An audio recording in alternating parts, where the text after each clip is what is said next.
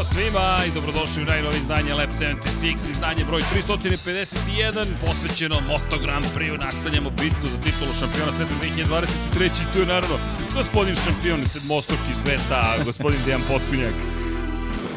Tako. Kako sedmostruki? Nemam pojma. Pa jest, da, 3 plus 3 plus 1. Jer Ne, sad ne znam, da, ako sam pogodio u redu je. Yes, yes. znam na što se ludirao, tako da složit ću se. Pretpostavljam da te imamo, valjda. Znam te, znam te.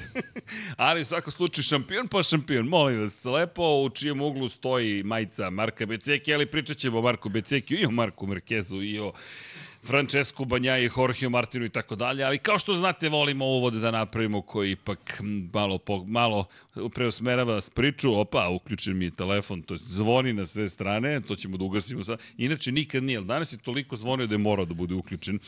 Elem, e, dobrodošlicom želimo, oktobar je mesec, danas je koji 10. oktobar, da, danas je 10. oktobar, ali sve jedno oktobar je roze mesec što se nas dvojice tiče, ne samo nas dvojice, svih nas zajedno i pozivat ćemo i ponavljat ćemo celog oktobra, ono što standardno radimo već godinama, sad već godinama unazad, mlade dame, starije dame, devojke, molim vas, gospođe, kako god, prekontrolišite se. Dakle, podižemo svest o borbi protiv raka dojke i bolest koja može da se pobedi ukoliko se dovoljno rano detektuje i stoga da bi se detektovala, a nije jednostavno ponekad detektovati, morate krenete od samokontrole, dakle bukvalno fizički pregled i da sad ne pokazujem rukama, ali dosta je jasno. Dakle, molim vas, pregledajte se, ukoliko nađete nešto što ne bi trebalo tamo da bude, kod lekara odmah i dalje korake će vam on reći ona kogod, dakle koje da preduzmete i samim tim držimo palče da prvo ne nađete ništa, ali ukoliko nađete, molim vas,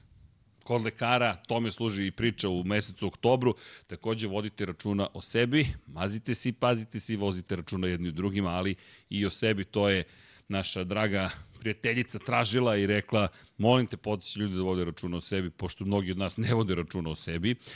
Pokušat ćemo krenemo sami od sebe, nisam deki baš siguran da trenutno uspevamo da vodimo računa o sebi, ali potrudit ćemo se i to, evo, neka to bude još jedno obećanje. Uzdah deki koji ste čuli vam dovoljno govori o tome šta misli o svemu ovome, ali preživet ćemo. Dakle, bitka je ozbiljna, ali ima puno toga da se uradi ponekad pomislim zaista kada, kada reč o godinama... Što bi rekao Fabio Quartararo, ne možeš da pobediš ako nemaš taj mentalitet. tako je, tako da. Fabio. Men, Fabio. Ali znaš šta još kaže? Treba ti i mašina za to. Srećom nama ne treba. Mi to sami sve radimo. Sami svoji majstori. sami svoji majstori, ali da. činjenica, mentalitet je tu. Tako da znate... Inače da moramo da radimo evoluciju. ne, ne znam kako bi smo to izveli.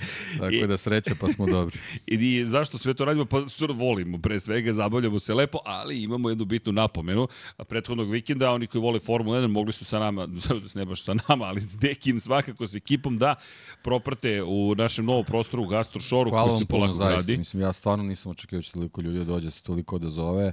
Izvinjam se ako nešto nije bilo kako treba, ali generalno proces je u toku i sve ovo što radimo su stvari pripreme za sledeću sezonu da, da sve bude kako treba. Sigurno će do kraja ove godine biti još druženja, a mogu da vam obećam da će svaki pa, put biti sve bolje. Baš to hoću da, da, da vas pozovem već na jedno druženje. Stigla nam i Selena, čao, dakle, ovde se popunjavaju tribine, ali a, druženje nastavljamo zapravo, jer smo umeđu vremenu Absolut. već ova dva dana sredili dosta toga.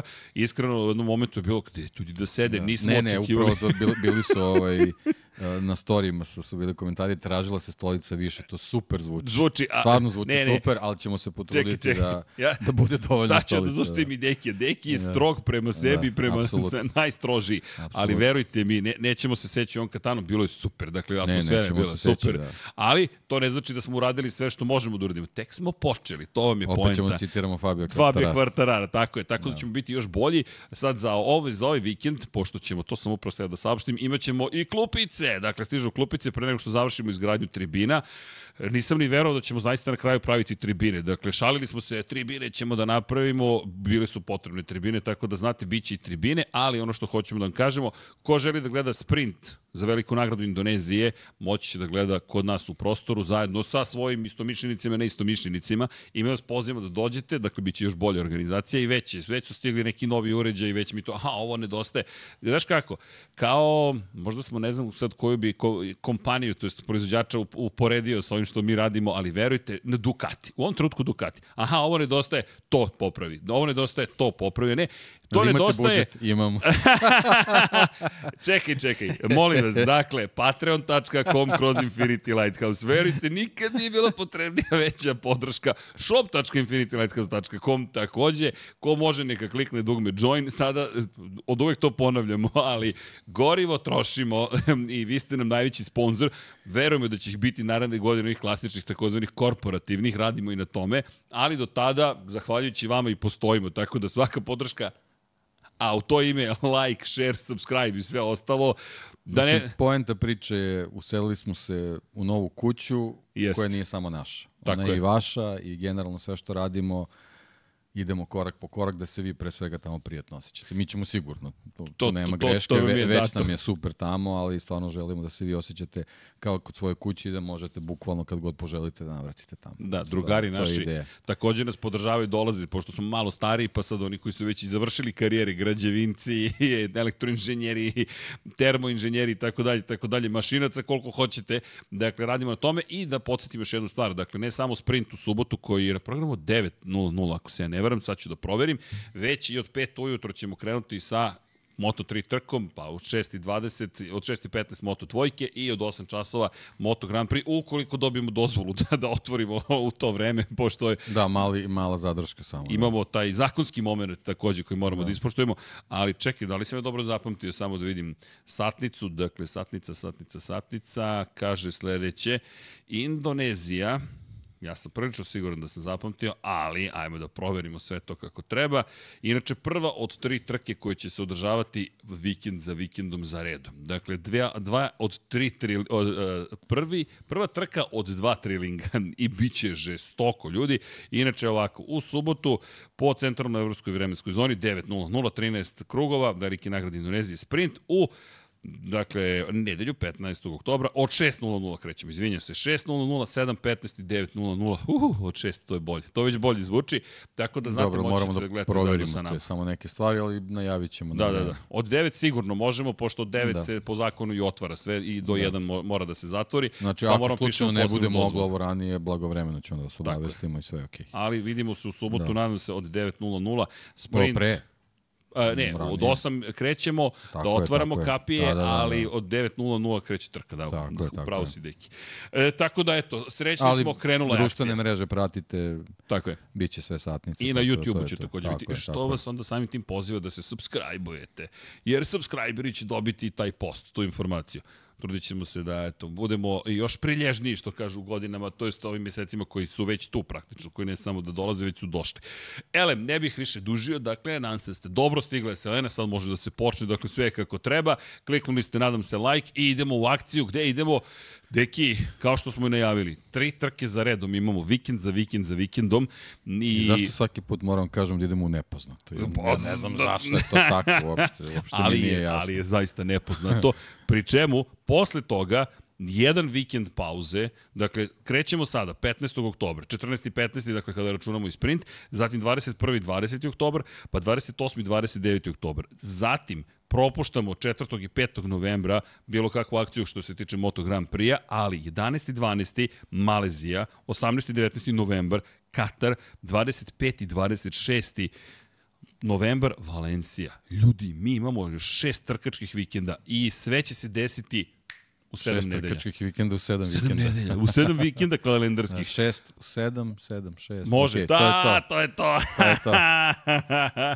tu smo. Mislili su. Mislili, mislili su na nas, da, zbog toga su ovo uradili. Dakle, ljudi, ovo će biti surovo. 12 trka u narednih kada krenu 15, praktično 16 dana, kada u petak izađu na stazu i to su momenti koji, ako ne budu rešili pitanje šampiona sveta, to znači da smo zaista u jednoj od najboljih sezona ikada Ono što moramo odmah da kažemo, nažalost, i nismo se nismo pogrešili u pisanju, pala je knjiga na dva slova, da ne kažemo borba za titulu šampiona sveta. Nažalost, u redovnom treningu, prema saopštenju ekipe VR46 Muni, Marko Beceki, jedan od kandidata za titulu, je pao na ranču i slomio ključnu kostu. Uspešno je operisan, u narednih 48 časova, sada već malo manje, bit će saopšteno koja je prognoza i kakva su očekivanja.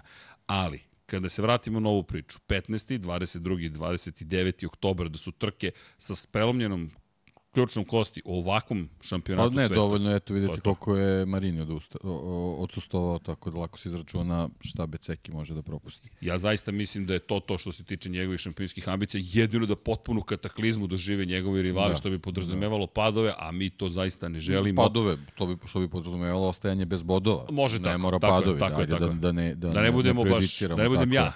da, da, da, da, da. Ne, uvijek je kontra, tako da to kad kažeš to je okej. Okay.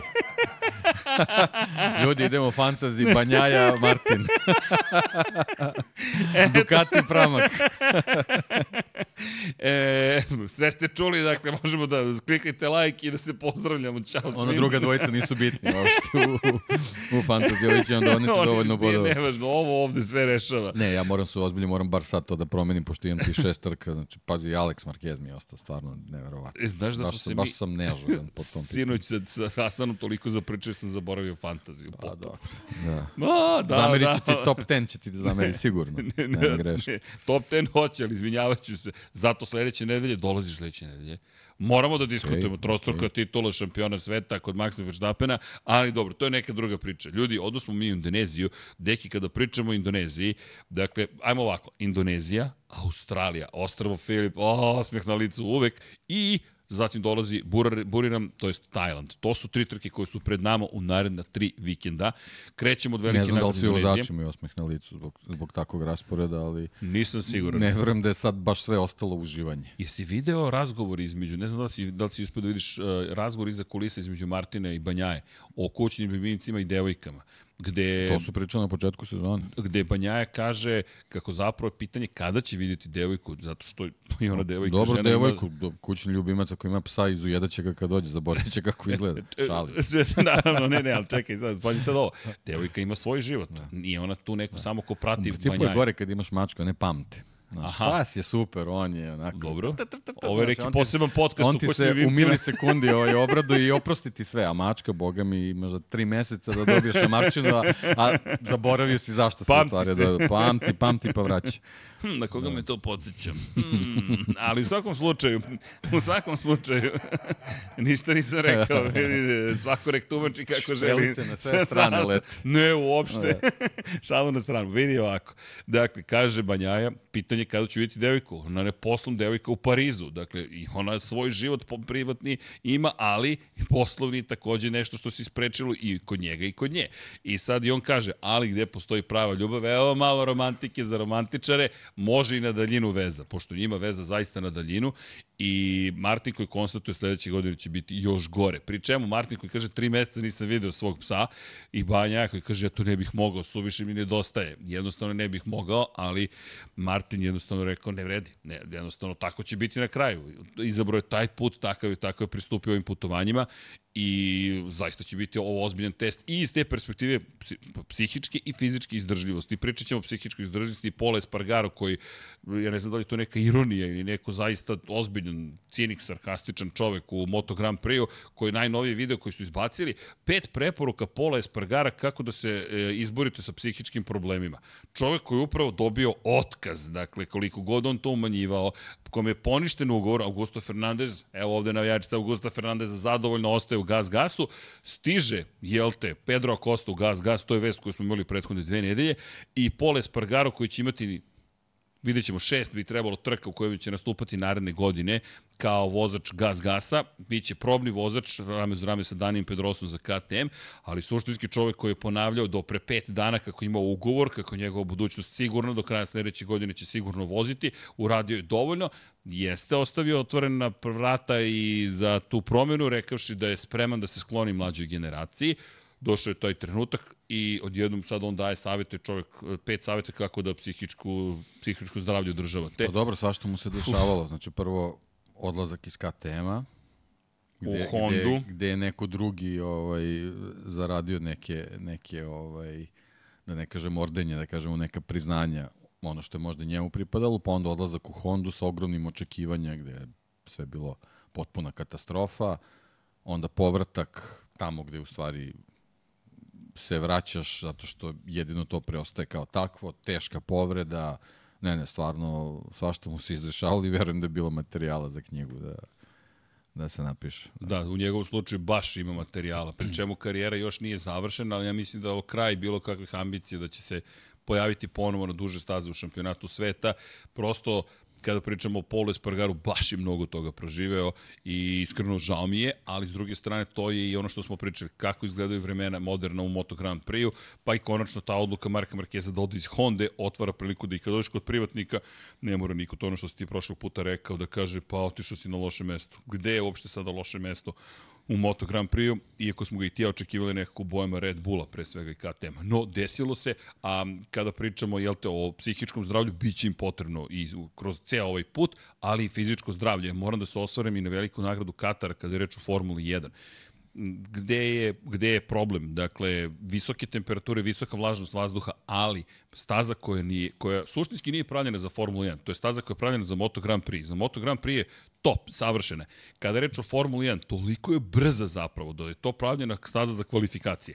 I ja volim kvalifikaciju Kataru u Formuli 1. Trka, Bila je zabavna zbog peska, klizanje, potrošnja guma, bilo je tu preticanje, s izuzetkom Maxa Verstappena, ali ljudi su jedva izlazili iz bolida. Pa, mislim da je glavni problem broj praktično obaveznih pit stopova, zašto su oni po izlasku na stazu bukvalno vozili kvalifikacione krugove i to iziskuje neverovatnu koncentraciju, posebno u Formuli 1 gde, gde trka sa tim njihovim uh, pripremama, ulascima automobil, zagrevanjima, briefinzima, to traje po 3-4 sata, oni su tim kombinezonima i stvarno ovaj, to, to su, mislim, verovatno veliki i psiho i, i fizički napori, tako da svakim čast na, na, to, na tome što su generalno izdržali, čak i onima koji, kojima izuzetno dobro nije, nije bilo, su, su ovaj, uspeli da dođu do cilja, osim Logana Sargenta, koji stvarno očigledno je bio potpuno na izmaku snage, jer ne verujem da bi da mu je bilo koji atom preostao da bi, da bi odustao trke. Jednostavno, oni su takvo kova, ali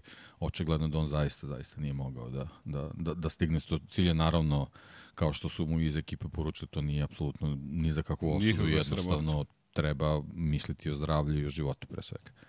Kada je reč inače o, izdržljivosti u Formuli 1 kao i u Moto Grand Prix radi se o olimpijski pripremljenim vozačima. Oni bukvalno mogu na olimpijske igre da idu kakva, im je, kakva je priprema koja je neophodna za, za ono što rade. Moderna Formula 1 mnogo toga nema, ali ima nešto što ranije nismo imali. To su mnogo veće zapravo brzine u krivinama uz mnogo teži bolid. Dakle, i sve to nosite na svom telu. Teži bolid, pet sila zemljene teže od bočnog ubrzanja. Vi imate preko 3,5 tone na sebi, što bukvalno da, vučete. I tako, tako da, sat i Tako je, i vrat to trpi, trpi, trpi. U svakom slučaju, tako nešto čeka sada vozače Moto Grand Prix-a. I to, vikend za vikendom za vikendom. Idemo u Indoneziju, ne znamo da li će kiša padati ili ne. Imamo sada sprint u subotu, na, trku u nedelju. Najveća, najveća stvar je što, što čak i priželjkuju ovaj, da, da bude kiša, zato što je asfalt potpuno nepoznanica. Oni su morali da presvuku novi sloj.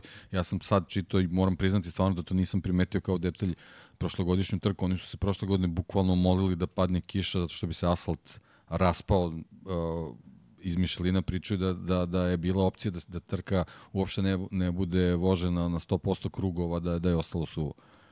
I Kao taj što se... asfalt je nužno morao da se presvuče, presvukli su asfalt i oni sad ponovo dolaze na stazu bez ikakvih podataka. šta su uradili inače kada je reč o Indoneziji?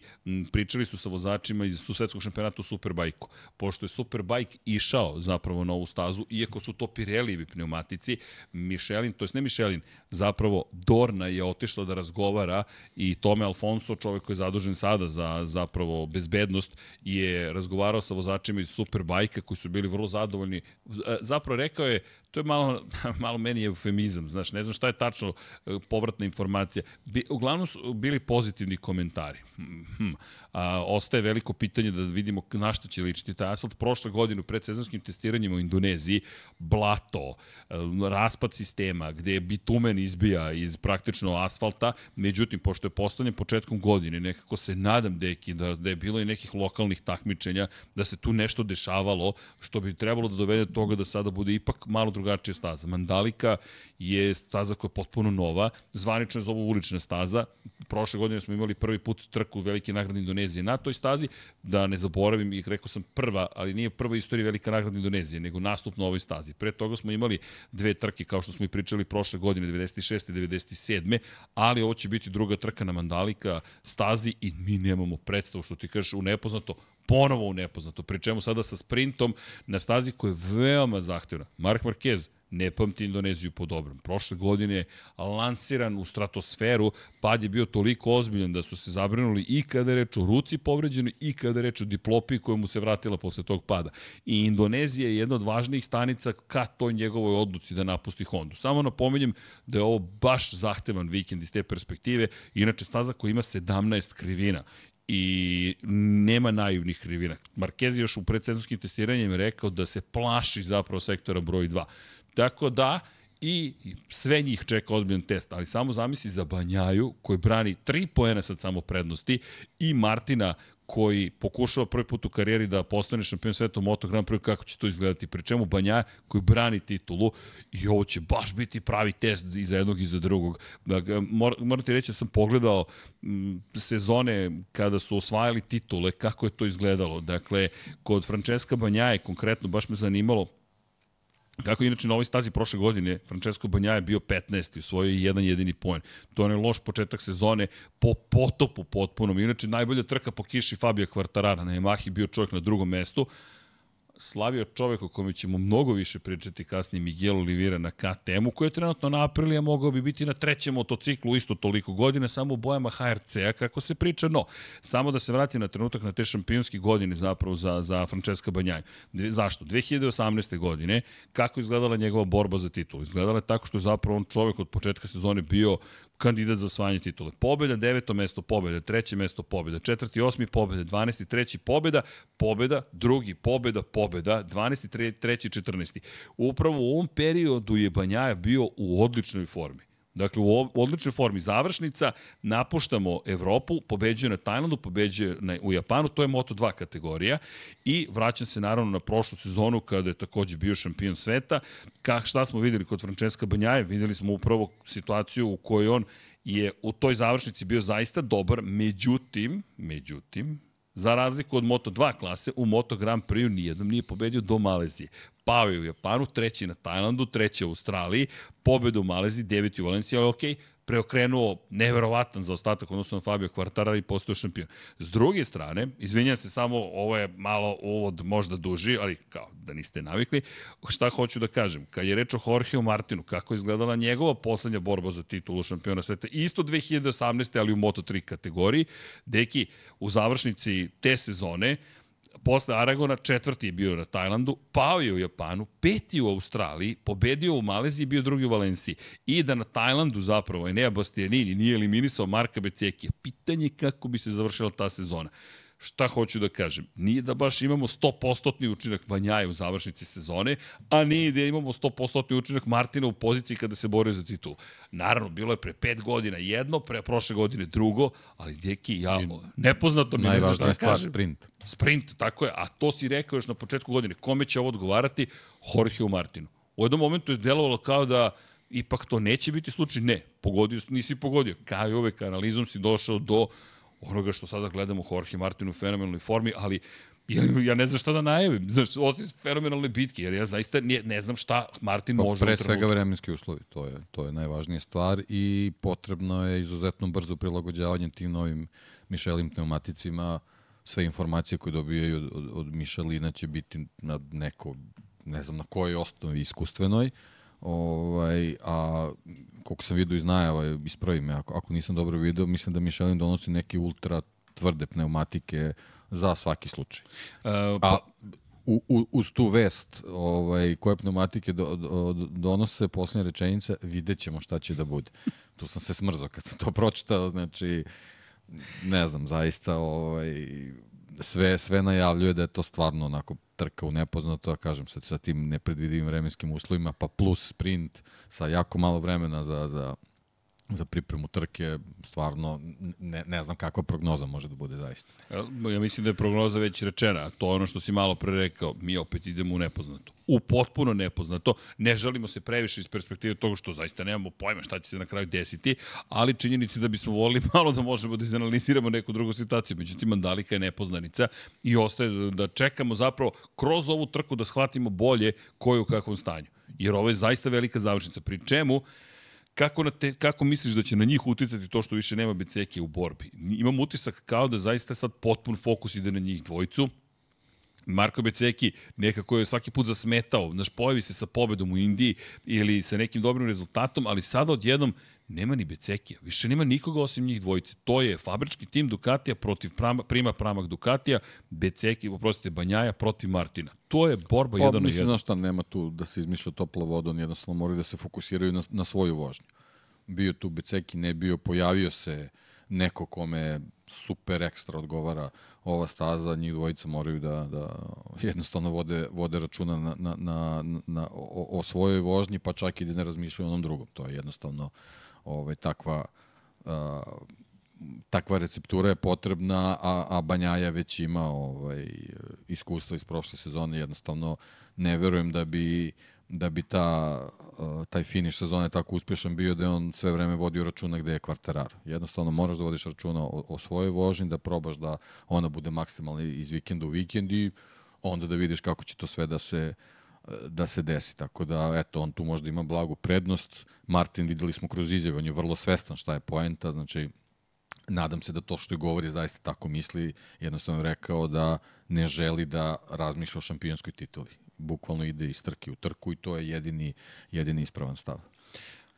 Kada pričamo o ispravnim stavovima, imamo situaciju u kojoj deluju jedan i drugi da znaju upravo to što si rekao šta treba da učine. Fokus na samog sebe, na najbolje da odvezem ono što ja najbolje mogu i to je to ali ja kažem ponovo, jo, ovo će meni biti pravi test. Da vidim zaista šta će se desiti i pritom da vidimo sada, jer pazi, prošle godine Banjaja je imao mali broj direktnih duela protiv Fabio Quartarara. Quartararo je pao u formi, Yamaha nije mogla da isprati razvojni put Ducatija i koliko smo imali duela u borbi za titulu 1 na 1. Toga nije bilo. Dakle, imali smo duele gde je protiv Enea Bastianini vozio Francesco Banjaja, ali nijednom se nije sreo da. sa svojim direktnim rivalom. Pa ne, rivalom. generalno taj poslednji neki, neki duel koji je bio ovaj, uopšte nije morao da se desi. U Japanu je, je, je ovaj, bio slučaj za, za nižu poziciju i Banja je bespotrebno za osmo mesto. probao da, da, da, da reši taj duel, verovatno ono, jednostavno adrenalin radi ili možda želo da pošalje neku poruku i desilo se to što se desilo, udarci po kacigi, još jedna skupa škola i, i on je i to prošao. Tako da on nema, nema razloga da, da posebno ne ovaj, sa ovolikim brojem trkačkih vikenda do, do kraja, sa 12 trka do kraja, da, da uopšte razmišlja uh, u ovoj trci da je biti ili ne biti i da mora da po svaku cenu bude, bude brži od Jorge Martin. Jorge Martin čim dođe u situaciju da da je, da je u voćstvu recimo u šampionatu da, da ima ovaj priliku da, da osvoji titulu od tog trenutka, tu ćemo u stvari vidjeti koliko je on psihološki stabilan i koliko će zaista te svoje reči pretvoriti u delo da, da, da ga titula ne zanima, nego vožnja iz trke u trku. Nelo je mnogo uzbudljivo ako pogledaš. Ima u 12 trka, računam i sprintovi velike nagrade, samo ih 3 pojena deli 319 pojena, 319 pojena za Banjaju, 316 za Martina. Ulazimo u jednu najuzbudljivijih uzbudljivih završnica, ali isto tako, jedan trkački vikend može sve da promeni. 37 Absolut. pojena po vikendu Absolut. i opticaju i prethodnih godina i da se desi... Pravo na greške više nema. Bukvalno. Zato što prvi ko napravi grešku svom rivalu daje neki, neki prostor da čak ima pravo i da pogreši. To ti automatski smanjuje pritisak i samo možda dobiješ bolju performansu od nekog vozača. Znači, ne sme, prvi ne sme da pogreši. Eto, to je, to je... O, ovo će biti da. žestoko. Pri čemu petak, petak popodne, to jest petak drugi trening, to jest drugi redni trening, ali jedini pravi trening zvanični, sat jedan imaš da odrediš ko ide direktno u Q2 I, I da se pripremiš za sprint i za trku, ili sad moraš da se pripremiš za sprint. tako je. Nije sad usputna trka. Ne, ne, ne, sad se baš spremaš i sad... za- Mnogo je bodova u optici. Martin pobedi u sprintu. To su 12 poena. Bude drugi Banjaja. Imaju isti broj poena. Ko zadržava poziciju, očigledno je. Ko će zadržati poziciju broj 1 za... E, sad me to zanima. Šta se više vrednuje? Pobeda u nedelju ili pobeda u Nedelja, sprintu? nedelja. Nedelja bi morala. Nedelja, nedelja. 1, Nema- 2, nema 3, greške. 4, 5. Pet pobjeda ima ove godine Banjaje. 1, 2, 3. Tri To je pobjede velika ima. nagrada, jednostavno nema... Moralo bi tako da bude. nema- tu ne bi trebalo da bude dileme nikakve. Dakle, Martin pobedi u sprintu, izjednače se po broju poena i dalje vodi Banjaja. Dolaziš do trke u kojoj ko je ispred onog drugog, ako tako bude, on preuzima vođstvo u šampionatu sveta. I onda I već za četiri dana je novi, novi ispit. Bukvalno, ti ne, ti si u avionu već to Da, veče, da, nemaš, sutra nemaš ujutro. vremena da razmišljaš. bez Možda je zato i bolje ovaj, što se njih Misliš? tiče da, da, da se odmah, odmah seda na motor dalje. E, pri... I tu ćemo u stvari vidjeti da li, da li to u stvari možda doprinese njihovoj formi ili jednostavno stvarno iziskuje toliko fizičkog napora da će možda neko već na trećem vezanom vikendu pokazati neke slabosti. Ili 50-50. Nekom pomogne u formi, nekom odmogne u formi. To su sad ti testovi. A pri čemu te čeka Ostrovo Filip? Dakle, Ostrovo Filip je nama na, na programu za 10 dana. Ljudi, jedva čekam tu trku. Jedva čekam da vidim celu ovu kategoriju. Jer pazi, Da, da nije ovako vezanih trka, sad bismo već pričali o Philip Islandu. bukvalno, bukvalno bismo sad pričali. Ali znaš kako, ima jedna bitna stvar. Ducati. Ajmo ovako, padne kiša. Jel Ducati i dalje broj 1? Meni deluje da su njih dvojica doveli do toga da će Ducati biti broj 1. Jer ja ne mogu da pripišem njihov uspeh u Japanu po kiši Ducatiju. Znaš, ako pogledaš, nije to samo bio Ducati. Odjednom Mark Marquez na poziciji broj 3. Aha, čekaj, pa nije, možeš i na drugom motociklu da se boriš. Da, jeste Beceki bio na poziciji broj 4, ali peti je bio Aleš Espargaro. Dakle, kiša uvodi i ostale u njihovu bitku. A, kiša, osim uvođenja ostalih u, u bitku i, i toj čistoj priči o trkanju, mi možemo da imamo momente kako smo imali Japanu. Crvene zastave, haos na stazi, zamene Au, dama će se vratiti da vrti i da, Da, da, da. traži da kiša stane. Čekaj, pa to, to je postalo sad light Mada motiv kažem, praktično. M- Michelin kaže da bi oni više voleli da pada kiša. Mnogo bi jednostavnije bilo za pneumatike. Oni se plaše pneumatika koje donosi. To, to, sam, to, sam, to je moj zaključak kroz izjave. Baš, baš se plaše. Znači, odlučili su da donesu tu pojačanu tvrđu smešu, ali uopšte nisu sigurni da je to pravi izbor. Ok, ajmo onda ovako. Doneli su pojačanu smešu. Dobro. Šta ćemo da uradimo ukoliko se ispostavi da smeša ne može da izdrži? Jel idemo ka... Hoćemo Philip Island da imamo ponovo. Hoćemo ponovo, menjamo motori. To smo imali u Argentini svoje vreme. Dakle, Ostrov Filip je nama u glavi. Zašto? Zato što 2013. godine je Mark Marquez u malo Pa kao poklonio, ali nije prvi primer, da. Tako je, Da, ali da, malo da. nije, pa to je najekstremniji primer, ti si u pravu. Mora da se krene od Ostrov Filip. Mora Filip Island da bude prvi.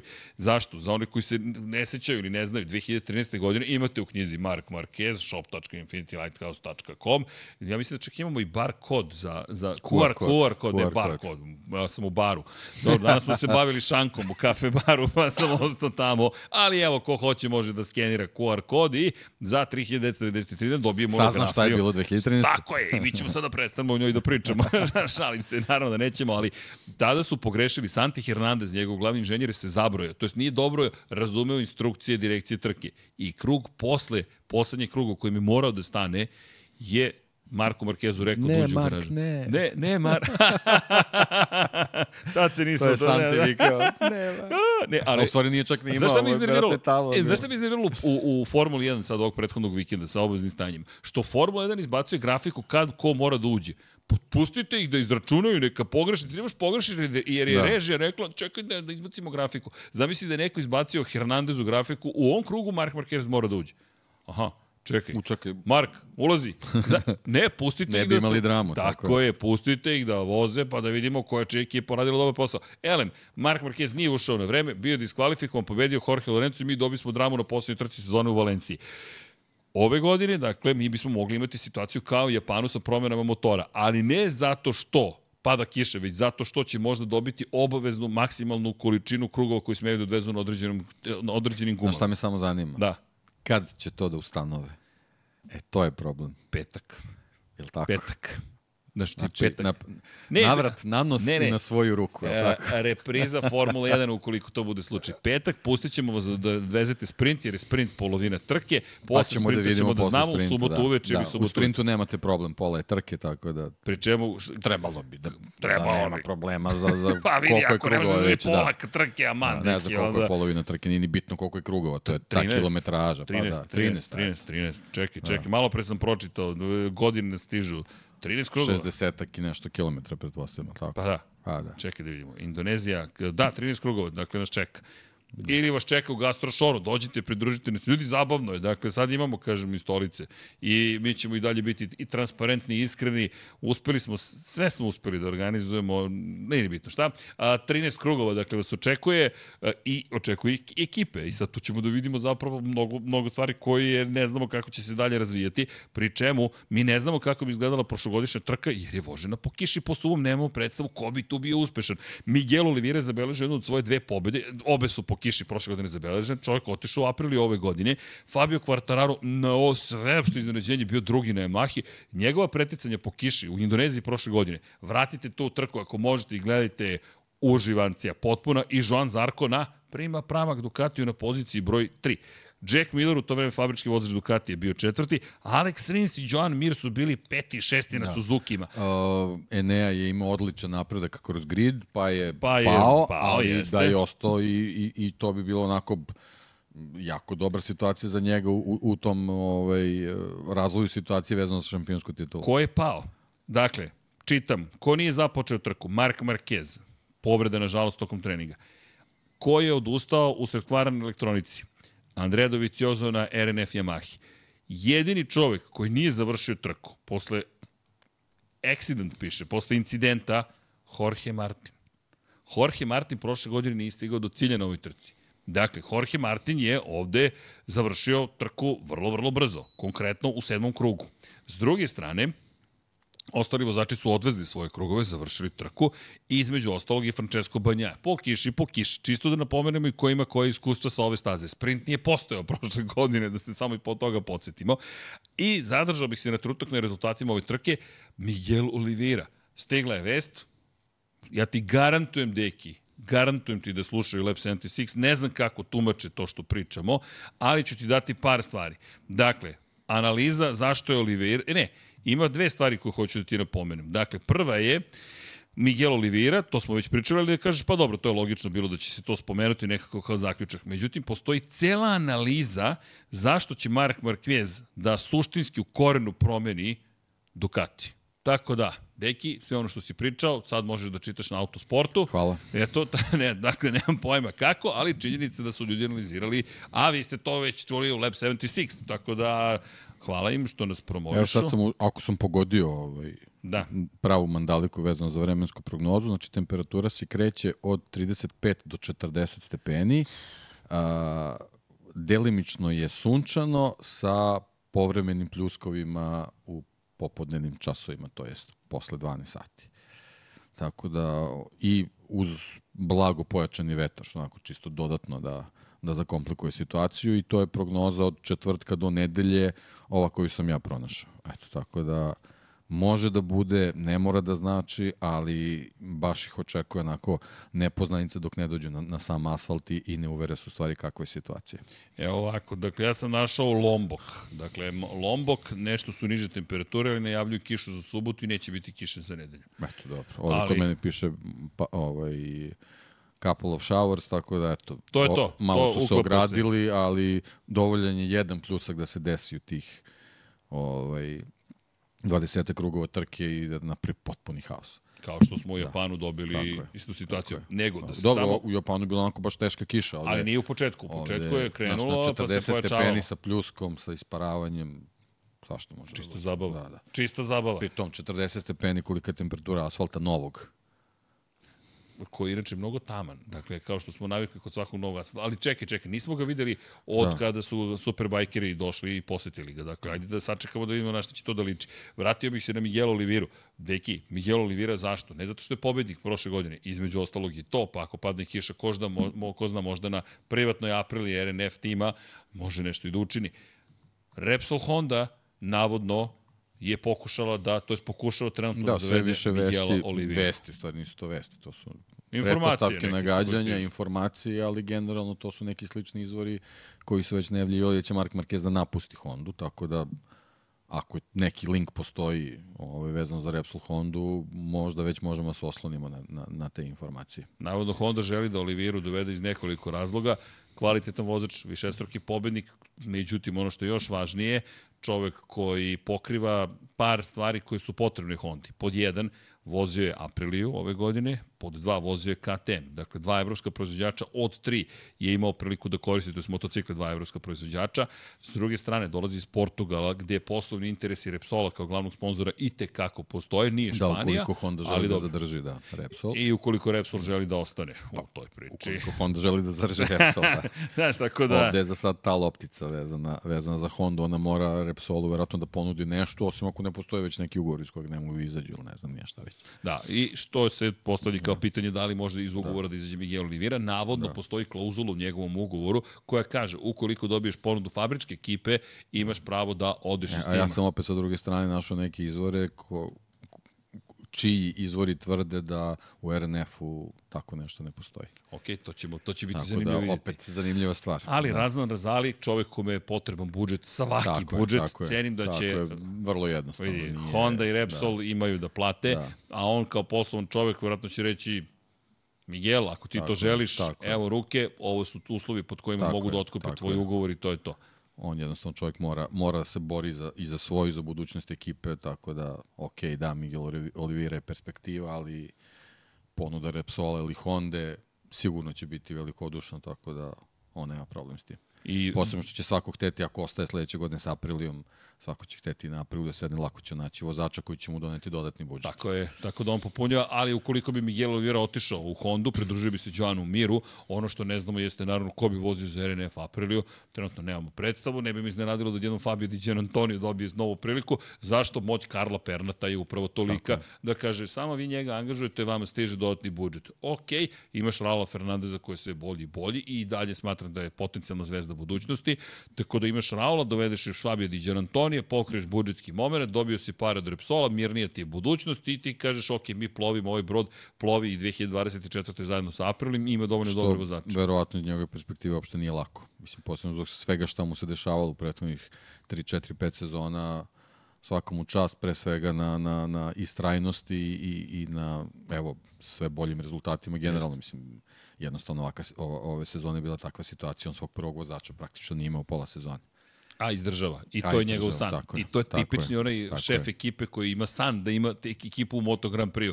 I prebacit će preko glave što god je potrebno, kao što su Lučić Kinelo, kao što su Sito Pons, kao što su Fausto Gresini. Niko od njih nije krenuo i jednom su pali samo sponzori s neba i sve je da, bilo da, da. savršeno. Ili, i ako A jeste vremenom je imena u šampionatu. Tako je. Išlo je dole, išlo gore, išlo dole, išlo gore. Razna Razali ima svoje mesto i to će biti zanimljivo, ali pre svega što se tiče Miguel Oliveira, pričali smo o tome, to uopšte ne deluje kao loše rešenje. Honda trenutno nema idealno rešenje. Dakle, tražiš neko rešenje koje bi moglo ti pomoći da razviješ svoj motocikl. E, da, da, da, da. Luigi Dalinja, izvinjam se, veliki šef, the big boss od Ducatija, dakle, Luigi Dalinja, je dobio Gigi, popularni, ponudu, sam je to obelodanio, Honda da se pridruži ekipi 2024. godine. A samo pre nego što nastaviš to da, da, da, da. da zaokružimo vozače. Dovode Oliviru, ali dovodi Zarka koji dolazi iz Ducatija. Popunjavaju da sve. Si, bukvalno su pokrili sve konkurenta koji su trenutno bolji. E, ali gledaj sad ovo. Dovodiš da, potencijalno ponudu daješ Dalinji. Dalinja koji je zapravo najveća zvezda. Veća zvezda i od Joana Zarka, veća zvezda i od Miguele, Miguela Olivire i mi dolazimo do još jednog noviteta u Moto Grand Prix, a to je da sada najzad su izgleda shvatili u Japanu, moramo da dovedemo nekoga ko razume ove evropske... E sad jedino što naravno sve moramo da uzmemo sa zadrškom iz prostog razloga što se pojavila priča o paketu koji treba da stigne iz uh, Aprilije, Rivola, Vinjales, na primjer. To se isto pojavilo...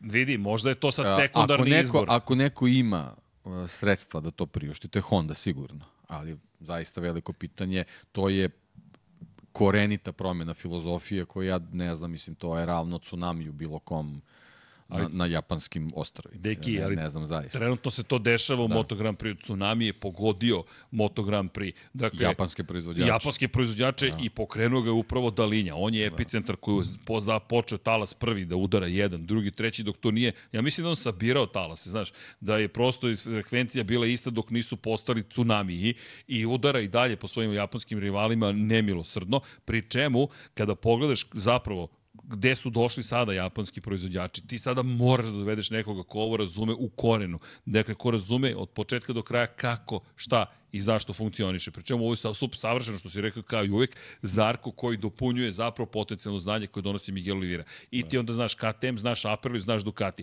Pri, Dovedeš... Pri tom i, i Oliveira i Zarko su bili u nekim prethodnim evolucijama Ducatija, što je možda i Ducatija i Aprilia i KTM-a, što je možda Hondi i važnije nego da, uh, Samo nego da dobiješ informacije sa, sa, nekim, sa nekim sadašnjim verzijama. Jasno. Njima treba i informacija kako se stiglo do neke sadašnje verzije. To jest kako ti evoluiraš Tako, svoj motocikl. Zato što Oliveira generalno nema informaciju o, o najnovijoj Aprili, ali zato zna kako se stiglo do Aprili koja je prošle godine pobeđivala. Ili kako je KTM uspeo Tako da je. napreduje. Sad Tako možda je. ne do ovog nivoa, ali do prethodnog Nema veze, znači imaš, imaš periode uh, i, i nivoje napredovanja KTM-a Aprilije i onda imaš neki doktorat vezan za, za kompletan napredak Ducatija koju je između oslog Zarko i razvijao. On je, on je bio imenovan za vozača koji dobija te delove vezane za razvoj. Gde je jednorog u celoj priči Luigi Dalinja? On je čovek koji je i šef ekipe i koji istovremeno tehnički najpotkovanija osoba u tom timu. Dakle, on je jedinstven. Massimo Rivola kao izvršni direktor Aprilije nije čovek koji je razvijao tehnički deo Aprilije.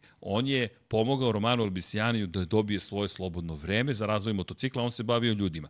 Međutim, međutim, ako ne možeš da dobiješ jednoroga, pa ajde bar da dobiješ, jel te, neće da koristim poređenja u terminima životinjske farme, već dobijaš čoveka koji može da trče jednu drugu trku i da ti nađe tehničko lice, da li je to Albesijano ili neko treći ili pa, peti, pa, pazi, možda ili u tvojim redovima. Možda i kao uči koji ti donosi neko je. znanje iz Suzuki-a. Tako je, Kako tako je Suzuki bio tako stabilan i miran i, i dobar na svim stazama u nekom trenutku, osim te brzine koji, koji nisu znali da ukradu? E, još. Sve ostalo su imali. tako je. Tako da oni su bukvalno kompletirali ceo grid. I onda dovedeš Massimo Rivolu Nedostaje im Yamaha nam... samo, koja je u ovom trenutku zaista njihov razvoj nije toliko ni bitan. Ima za... E, da. e, ali ima i tu zanimljivih sad priča. Čekaj, čekaj, vratit ćemo se na kračlo i ne zamerite, ali ovo sad sve ima veze sa onim što se zbiva u Indoneziji u naredne dve trke i onome što će sledeće godine da oblikuje šampionat. Pri čemu sad, ako dođe Massimo Rivola, on ti organizuje celu Hondu i sa sobom dovede Maverika Vinjalesa koga već poznaje. Vinjales koji verujem da je još uvek gladan, želi uspeh. Zamisli Vinjalesa na Repsol Hondi. To je za njega potpuna, ne osveta, ali od čoveka koji spaljuje mahu, neslavno je otpušten, do momka koji oživljava karijeru i sada dobija najveći poklon koji jedan španac može da dobije. Boje Repsol Honda. I dalje. I, da se razumemo. Da se razumemo i dalje. Pa vidi, to ti je kao Ferrari, pričamo o tome. Ferrari je posrnuo, nema veze. Šta, odbijaš Ferrari? Poenta, ono što smo ne. prošli ili pretprošli put rekli, uh, potez Marka Markeza je e, razumljiv zato što on više nema vremena zbog svojih godina. E. Svi mlađi vozači, nije nikakav problem da budemo u projektu kao što je Aleš Espargaro došao u aprilu. Ma vidi, Razvijat ćemo, 3, 4, 5 sezona, okačiš fotografiju Repsol Honda, jedan dobar rezultat, ti si za ceo život Repsol Hondin vozač, ali ima tu još jedna bitna stvar, sad mi pada na pamet. Ferrari dovede nekoga i to je sve bum, bum, bum, bum, bum. Sebastian Vettel, neslavno odlazi. Fernando Alonso, neslavno odlazi. Nigel Mansell neslavno odlazi. Alan Prost neslavno odlazi. Niki Lauda. Niki Lauda na kraju i on neslavno otišao. Dakle, sa kim se sve Ferrari nije posvađao. Repsol Honda do sada imala jednu veliku svađu. Valentino Rossi. Sada je došlo do toga da I, da nema svađe. I Stoner onako, malo manje. Sa dobro, Case, a dobro, s Case... jednostavno je rešeno, da, nije velika svađa. Da. On je jednostavno rešio. Ali vidi, imaš situaciju gde je neko On otišao... jednom kaže i... I, I to je to, bukvalno, mada, mada, i ovo ali trkanje, znaš, i on je otišao iz te Honda pa se vratio, otišao iz Ducatija pa se vratio. Okay, Sve je legitimno, ali samo hoću da kažem... Imao je da, vremena da se vrati. Da, I da razmisli u svemu. Pa se umorio. ali imaš situaciju u kojoj, kada je reč o Repsol Hondi, Marquez je samo otišao. Međutim, to ne znači da je Repsol Honda loša. Šta, neko bi odbio Augusto Fernandez da dobio poziv. Ma nema šanse, samo odlazi. E sad, da li Miguel Olivira tako razmišlja ili kaže čekaj, ovo je RNF Aprilia, ja ovde nešto mogu da postignem neki rezultat. Ja bi, se, ja bi bio šokiran da odbije da ode u Repsol Hondu, zašto? Koliko god da je RNF Aprilia potencijalno konkurentna, RNF tim je baš mali tim. To je baš mali tim i nije zaštićen od vetrometine. S druge strane, ideš u tvrđavu koja se zove Repsol Honda i možeš da budeš Portugalac koji je to preokrenuo, on ima taj nacionalni ponos vrlo izražen. Zamisli da osvoji titul ili pobedi. Čekaj, ti si postigao nešto što niko nikad nije postigao iz tvoje države. Ti si, ti si na još višem nivou nego što si bio. Samo to i finansijski moment. I Tako je, ti si obezbeđen. Da obezbeđen. gledamo, Miguel Oliveira je već koliko god nama bio novu šampionatu, dugo je on već tu. Nije, Jeste, a ovde pada, to toliko bitno, ovde imaš da. novac. Da. Ali u svakom slučaju, Dali je dobio poziv. Ono što mi je fenomenalno u njegove izjavi, kaže, kao što je i normalno, razmislio sam malo o svemu, ali, ja sam zadovoljan u Ducatiju, mnogo sam se namučio da bismo došli u situaciju u kojoj je Ducati sada Da, sad je samo poenta njegovog izazova. I on je rekao, da. Da. mislim da ne bi bilo logično da sada da. odem. Bukvalno je to rekao i e, svakako je da ono što je učinio Ducatiju bio za njega izazov i Višegodišnji. Da je, višegodišnji. To što je jako bitan moment. Nije on preko noći ništa uradio, pa da je Tako sad je. gladan nekih drugih izazova. On je bukvalno na polusezonama zadnjih ko zna koliko godina imao izazov za izazovom i to verovatno ni sa perspektive takog talentovanog inženjera nije uopšte jednostavno i to to su ono dani, meseci, godine odricanja raznoraznih i, i, i noći provedene za crtaćom talom i tako dalje, tako dalje, tako da nije to baš tako jednostavna priča. E super, idem sad na drugi izazov. Jel on, ako neko zna kakvi su koraci potrebni da se nešto uradi, a Honda je u ovom trenutku zaista na nivou gde, gde je potrebno mnogo toga da se promeni. On ako nema želju za takvim izazovom, ne verujem da, da bilo kakva finansijska ponuda to može da promeni. E, ima tu još jedan, mom, još jedan detalj, to je još jedna karika ili epizoda u celoj priči. Kada govoriš o tome, to je čovjek koji zna tačno šta treba da se uradi.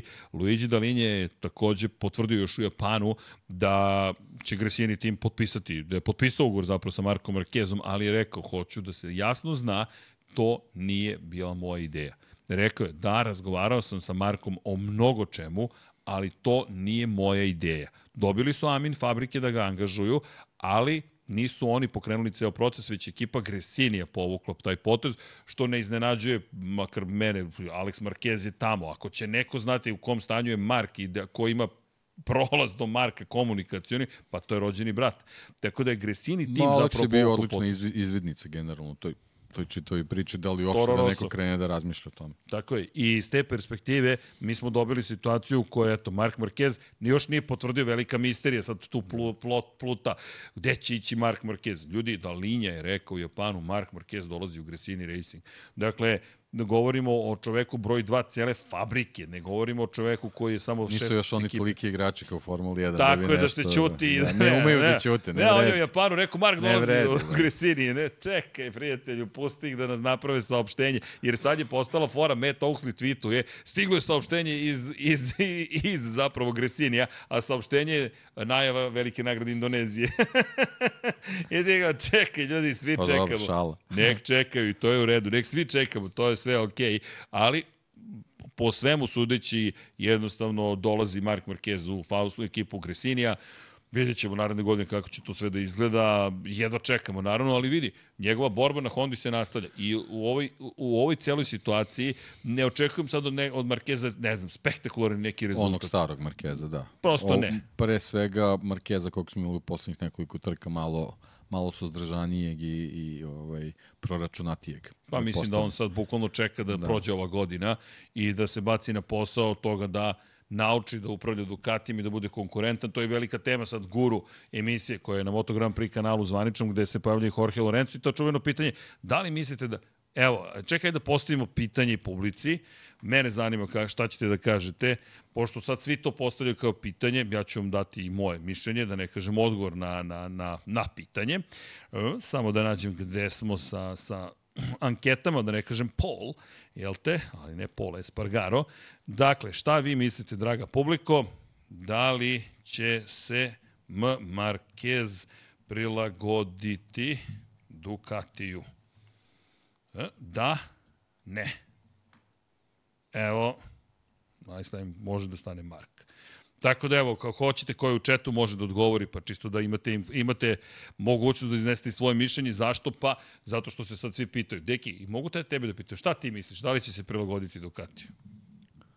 Pa, znaš, to je stvarno a, velika, Deki. velika, ne, velika je nepoznanica, ali, ali poenta je što ovaj, Marquez sad dolazi u situaciju da seda na motocikl koji nije od početka postavljen prema njegovim afinitetima. Znači, bit će možda potrebno neko vreme da se prilagodi poput, eto, Jorge Lorenza kad si, kad si ga već spomenuo, ovaj, ali mislim da on jednostavno tim nekim svojim, svojim talentom će mnogo brže da, da nadomesti te, te neke nedostatke. Sad, ponovo, glavno pitanje je koliko je on fizički spreman za to.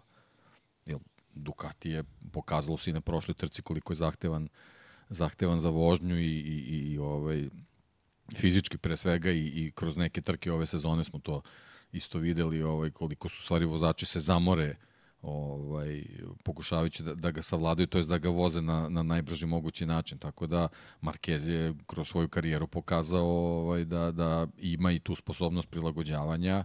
Ovaj, tako da u, u, toj, u toj kombinaciji kad se sve sabere mislim da hajde da kažem da će mnogo brže nego neki drugi vozač na Ducatiju se prilagoditi ovaj, toj mašini. Je sad ne mora apsolutno ništa da znači. Pre svega je važno ponovo, ko zna koji put za, za ovih poslednjih nekoliko godina pričamo, mora bude zdrav.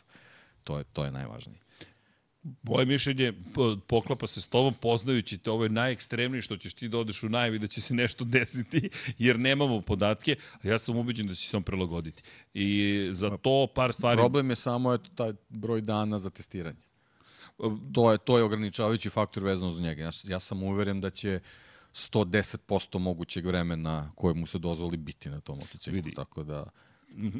ako je, ako je zaista na Gresiniju, Ajmo Poda, lako. Podaci su već to kod njega, to mu je, kažem, ja mislim da mu to lektira za, za, za kratku Ako zimsku pauzu. Ako sad poštuje i ne, ne čita tu lektiru i brat poštuje poverljivost ne, informacija, ne, pa da, verujem da, da, da poštuju, ne, ne, profesionalci postoje su. Postoje poverljive informacije vezane za nešto, ali, ali neke informacije koje mogu apsolutno upoznati sa svim i sigurno ih već procesuirati. Pa pazi, ovo što je rekao Dalinja, oni su već pričali sa Markom, ima Dragan Matić odlično pitanje, Pri doći ću ne, na njega. ne vozi on bez veze ovaj, iza vozača Ducatija. To vidi, on čovjek uči sve, non Nije to stop. samo vezano za najbolje vreme Tako na toj trci. To smo, pričali smo čak, ja mislim, tokom prethodnih kvalifikacija ili jednog od treninga. Čovjek sedi i analizira, prikuplja informacije. Kad sedne iza banjaje, to je možda motocikl koji vozi sledeće godine.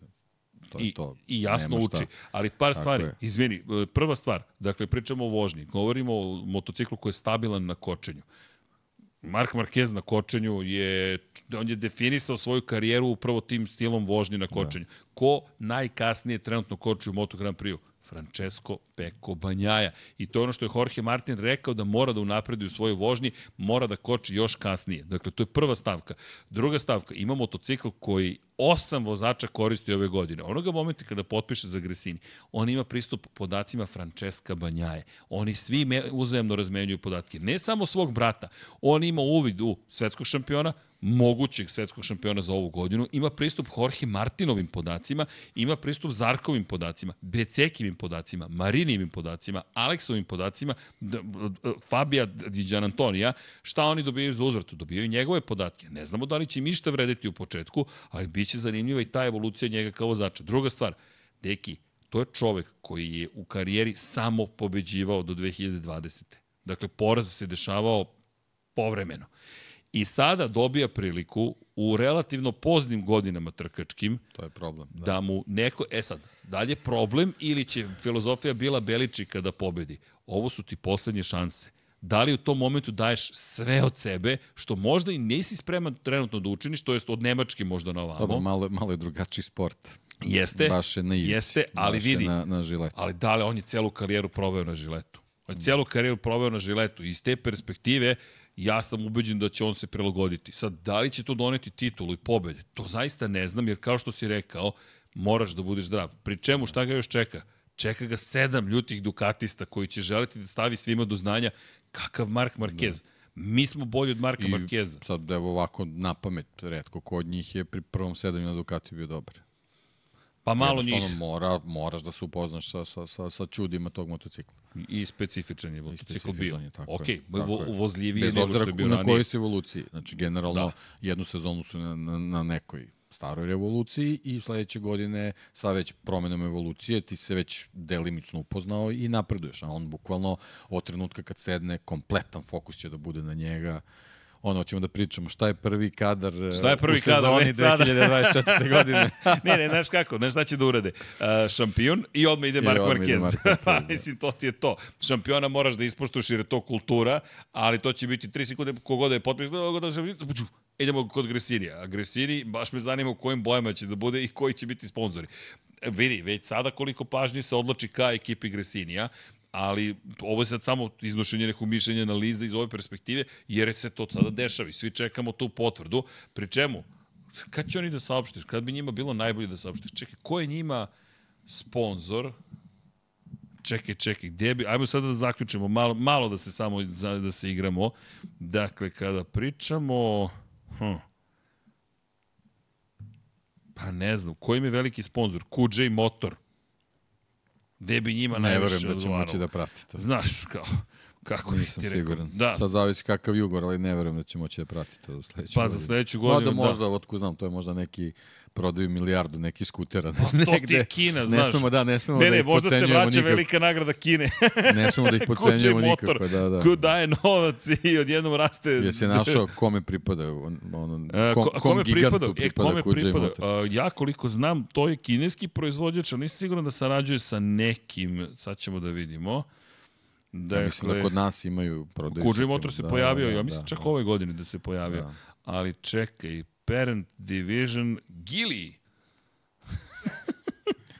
Znači, novac postoji. Znači, dakle, rekao bih da nova novca ima. Gili ili Gili. Gili, zavisi kako ko da. čita. Sad ne znam kako se čita, Gili pa, ili Gili. Neko ko je ovde u komunikaciji Gili. Gili, ok, da. Gili, ovde ubačeno Gili, da, tako. Dok, znači da je tačno, Gili. da.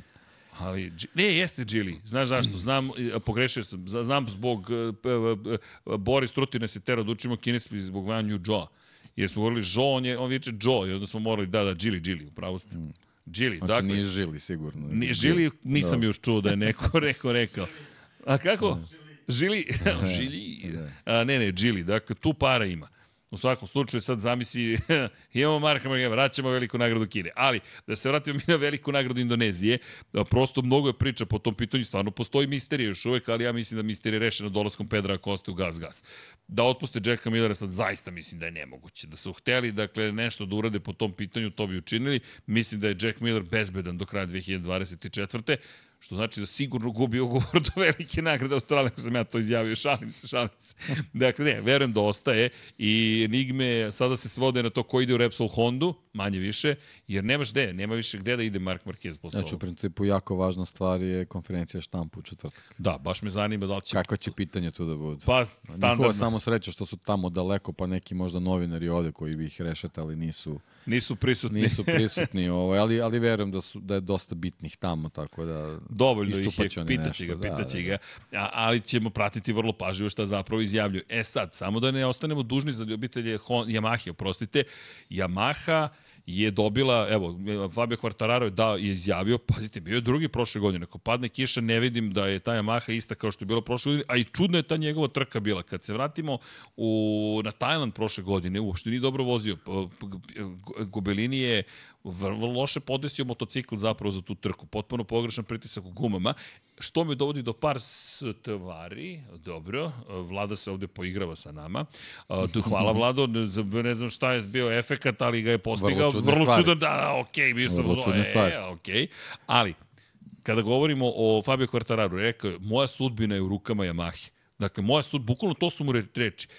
I ukoliko je Maha ne stvori ono što sam tražio, 2025. ja ću tražiti da budem negde drugde. Dakle, to sada nije ni pitanje šta, da li ili ne. Pa da, ali iskreno, osim, osim tog dela da im je postavio ultimatum, verovatno po, poučen ovim iskustvima ovaj, sa komunikacijom Marka Markeza i Honda, mislim da ništa ostalo nije za mene bar neko iznenađenje. On jednostavno svoje najbolje godine troši u Yamahi na nekim pozicijama koje Ako najbolju smem... godinu, ajde, ajde ipak da se ogradim, prošle godine ipak bio u, u borbi za titulu. Da kažem, jednu od svojih najboljih godina u karijeri je potrošio sa prosečnim motociklom. On ne može isto mnogo toga da priušti na taj način. Sada je na nivou Još arčenja sezona, tih da, godina. da. I ono što je rekao, rekao je da trenutno, pazi, to mi je bilo zanimljivo, mi smo na granici mogućnosti tog motocikla, ali i legalnosti.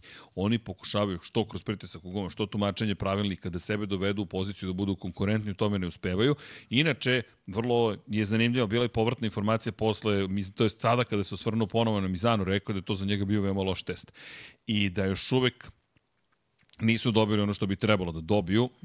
Massimo Meregali je pričao o tome da su oni zapravo zadovoljni jačinom motora koji su postigli i ono što je Karl Kračov rekao, načinu na koji se isporučuje snaga. Uvijek je bio pomalo divlji motor Yamaha od kada je Karl Kračov stigao, što nije bio običaj kod Yamaha. To su 2020. promenili. Rekao je, međutim, Meregali da je njima sada cilj da postignu veću maksimalnu snagu, ali gde su problemi nastali? U nerazumevanju pazi sad ovo, čudno mi čuda, aerodinamike. I da oni ne razumeju, smanjili su otpor vazduha, povećali su maksimalnu brzinu, izgubili su aerodinamičko prijanjanje. Gde ti sada tu da nađeš rešenje u celoj priči? Možda u tome da bolje organizuju, da citiram Kala Kračlova, probni vozači i pro, testni program. Znaš kako izgleda testni program? Karl Kračul kaže, ja dođem, vozim i onda imam 12 nedelja slobodno do sledećeg testa. Onda obavim test, pa imam 14 nedelja slobodno do sledećeg testa, pa ću onda imati još jedan I test. I ono što smo primetili prošle kasnije. godine, na, na, na primjerak se stavljaju tri inovacije odjednom. Da, da, to, to je nemoguće. Konfuzija ne par znaš šta zaključuješ, ništa ne je. zaključuješ. Tako I izvini, šta je rekao Kračlov, nadam se da će poslušati moje povratne informacije, pošto su se i mnogi inženjeri složili da je razvojni put koji predlažem pravi put napred. Yamaha još nije došla do tog stadijuma da kaže, aha, nama probni vozač ovo predlaže, naši inženjeri to predlažu, ajmo da idemo tim putem. Verovatno neki glavni inženjer predlaže nešto drugo i to ostaje zakucano u vremenu. I ovdje imaš moment na tom sastanku posle Mizana, kako je Fabio rekao, 20 ljudi je bilo prisutno iz, jeste, jeste, iz Yamahe, rekao im je šta on želi da se promeni. Znači, to je treći deo. Treći deo. I on je to rekao, je baš, direktno sam da, im da. rekao, da. kaže, pričao sam i sa predsednikom Yamahe, da moraju da budu agresivniji i hrabriji ukoliko žele da se promene neki desi. To je baš... Poznajući japansku kulturu, da. vrlo teško. Sa uvažavanjem ga je saslušao. da, da. E, pa se sećaj, smo pričali o tome. Ja mislim da ja sam čuveni japanski univerzitetski profesor koji nikad nije upravljao budžetima i on je dobio da upravlja budžetima. I svaki student koji je ušao dobio odgovor da jer je njemu bilo nepristojno da mu kaže ne. I onda je svaki put govorio da, da, da, i svi su dobili odgovor da, i svi čekaju svoj budžet. On nema budžet za sve, ali on ne zna kako da kaže ne. I to vam je ta, da, da, bit će tako, da, da, da, da. Šta će stvarno da bude? Pa sad, vidjet ćemo. I to je ozbiljan problem za Yamaha. Yamaha ni dan danas ne Dobar, zna šta će. je da on u svakom slučaju spreman da žrtvuje i 24. E, ali to će biti kraj. Da. To je to. Da, ali... Znači negde u, u ovom periodu sledeće godine ponovo ludilo od podcasta. Da, da, a možda i ranije. Možda neki. i ranije. Možda i ranije. Ako neki. bude neki Mizano test, možda i ranije. možda i ranije. Ali dobro, to smo mislili za Markeza, pa se ipak desilo malo kasnije. Da, ali desilo se, pazi, to su ozbiljne sad da. promene. I meni se sviđa Honda koja je htela da dovede Dalinju. Ok, spremni smo da dovedemo da. i sviđa mi se što su gađali u glavu. Jel treba da dovedemo najboljeg? Luigi, jesi spreman? Nisam. Ok, pitali smo. Ajmo sad sledeći ko nam je na listi koga hoćemo da dovedemo. Tako da ovo za Rivolu uopšte me ne bi iznenadilo zapravo. Sad, da li Vinjalac dolazi s njim u paketu? Ok, ali mislim da je Rivola tu da. taj koji je najvažniji. Sve se događa, deki. Još Suzuki samo da saopšti da se vraća i pobedili smo. ne, neće se desiti, ali... E, se vidio da rasprodaju delove Suzuki. Da. Dakle, pojavili se, pojavili se u, u prodaji. Neki rezervni, su, da. To možda može, znaš, možda ih nisu komisijski spalili, nego su samo rasklopili. Daj da kupimo nešto za, za, za novi da. studio. Pa nije baš jeftino što ima. A, šta da radiš? Uvek možemo da prodamo. Da. Ali povećavamo vrednost zidova. Znaš, stoji na zidovima delovi Suzuki. Kao je to šampionski? Ne, nije. Ali u svakom slučaju mnogo događanja. I, I Yamaha nije baš da ne pokušava, samo što taj njen pokušaj deluje da nije baš put u neku bolju budućnost. Najviše brinem za Yamahu. E, ali znaš što je zanimljivo? Meregali je potvrdio da oni traže privatnu ekipu s kojom bi sarađivali. Slušaj sad ovo, možda su nešto naučili. Rekao je, svesni smo važnosti satelitske ekipe, Pazi, pa to je rekao, vidi makar je rekao, i bit će drugačije nego do sada što smo sarađivali, pošto, jel te, RNF je otišao ne zato što smo mi hteli da ode, ma, baš smo iznenađeni, rekao je od sada će saradnja sa satelitskim timom biti mnogo bliskija i kvalitetnija. dobro ste se setili, daj, sad kad su vas svi ostavili, bukvalno Teh 3 otišao, RNF je pobegao, to je Petronas, pa RNF, i na kraju su rekli možda nešto ipak pogrešno radimo. Možda, posle svih ovih, tako da i to apropo, Udri, apropo, prvi apropo, u kom satu? Čekaj, prošao je, prošao je sat, ja nisam rekao apropo. A? E, to vam je mentalna Dobro, vežba. Skoro sat i A, reci, nije loše, nije loše. Tako da, iz perspektive, jel te, Yamahe, nešto se, nadam se, tamo dešava, mrda, kako god.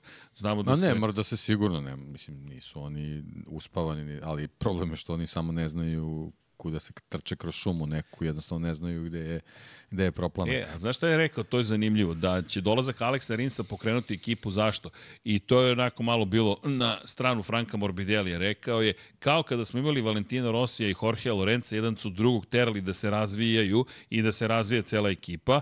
S druge strane, dolazak Aleksa Rinsa bi trebalo iskustvo i brzina koji donose da nateraju i Fabija da se poboljša, pa i Fabio da njega natera da se poboljši, to će da unapredi ceo tim zapravo. Ja mislim da žive u nekim čudnim snovima. Jedini problem što im Rins dolazi sa podacima iz Honda. E, I Suzuki. Tako. Dobro, da, to je sad već i daleko, ali ajde kao da. Ali vidi sad, vidi sad ovu situaciju. Te podatki, podatki Suzuki da oni Hondi, pa... Da, ispade da, da Franco da. Morbidelli zapravo je taj koji je kriv, jer nije on naterao Fabio Quartarara da se više trudi. Ok, kako god Yamaha ima neki ne svoj čudno stav. Ne treba Fabio nikog da tera bilo šta. Ne, imaju baš čudan da. pristup i dalje, ali eto, događaju se stvari. I ono što je Fabio da, da ne zaborim rekao, mnogo je teško u ovom trenutku. Od čoveka koji je tri godine za redom bio u borbi za titulu šampiona sveta bukvalno. i u svakoj trci u borbi za plasman na pobjedničko postolje, došao sam do toga da slavim pobjedničko postolje jedno kao da je neki neverovatan uspeh. Potpuno neprihvatljivo. U sezoni da imaš dupli broj trka i svi te gledamo i u subotu i nedelju kako se mučiš. E, ovde ne znam šta da očekujemo ni od koga iskreno. Mi kada najavljamo trke, mi više pričamo o trenutnoj situaciji u Moto Grand Prix, a ne o tome šta su očekivanja. Dotaći ćemo se očekivanja od Yamahe, ne očekujem ništa, čak ni po kiši, ni po suvom. Ova staza mislim da zaista neće izvući ono dobro iz Yamahe. Ostrovo Filip, to će biti druga priča. Tamo, ko zna šta će se dešavati, ali ja ovde, deki, vidim nastavak tih bitaka koje su već postale standardne. Dukatijevci, to je pre svega Martin Banjaja, Dodat ćemo na sve to. Nažalost, nema Marka Becekija. Luka Marini takođe se tek oporavlja. E da, Enea Bastianini će možda doći na, sta, biće na stazi, pokušava da vozi, pokušaće i Alex Rins da vozi. I Marini čini mi se. Da, i Marini, I Marini bi da. trebalo, ali u kom da. stanju su i jedan pa, i drugi i da, treći. Da, da. Znaš, veliki je rizik, ali pretpostavljam da je upravo zbog toga što su ti vezani vikendi, pa je pa je nekako je lakše se putuje sa ekipom u, u, u toj čitovi priči, sad da li će biti sposobni da, da posle tih ipak neko dužih, ne, neko duže, neko kraće pauze da, da, da voze baš na takvoj nepoznanici, o, ne znam, vidjet ćemo. Baš onako prilično rizično. I Alex Marquez koji, jel te, takođe se oporavlja. Koliko god je, ne znam, Ostro Filip težak i spektakularan, ipak je nekako poznata staza kakvi god da su uslovi. Ovo, ovo Mandalika, baš je zahtevna. nisam baš siguran, baš je, baš je zahtevna, ovaj, ali dobro, mislim, profesionalci su, nema, nema šta, znači čim se osjećaš sposobnim sedaš na motocikl, jer svako sedanje ti u stvari i dodatni trening, nema, nema prilike. Alex, ma, inače, samo da znaš, The Race je imao podcast, uh, slušaj sa kojim pitanjem, da li je Alex špionirao za Marka? Gledali su Lab 76 prošle nedelje kada smo lepo objasnili da je on bio Toro Rosso za Red Bull i da je se to e, rana izvidnica. Nije špionirao, nego čovjek je mogao da pokaže svoju radost i sreću. Kako stari organizovana ekipa, šta, koje su povratne informacije od Ducatija, šta dobijaju ovaj, vezano za prošlogodišnji motocikl, kakva je podrška, to su sve informacije koje ja mislim da može da podeli, nije nikakav problem.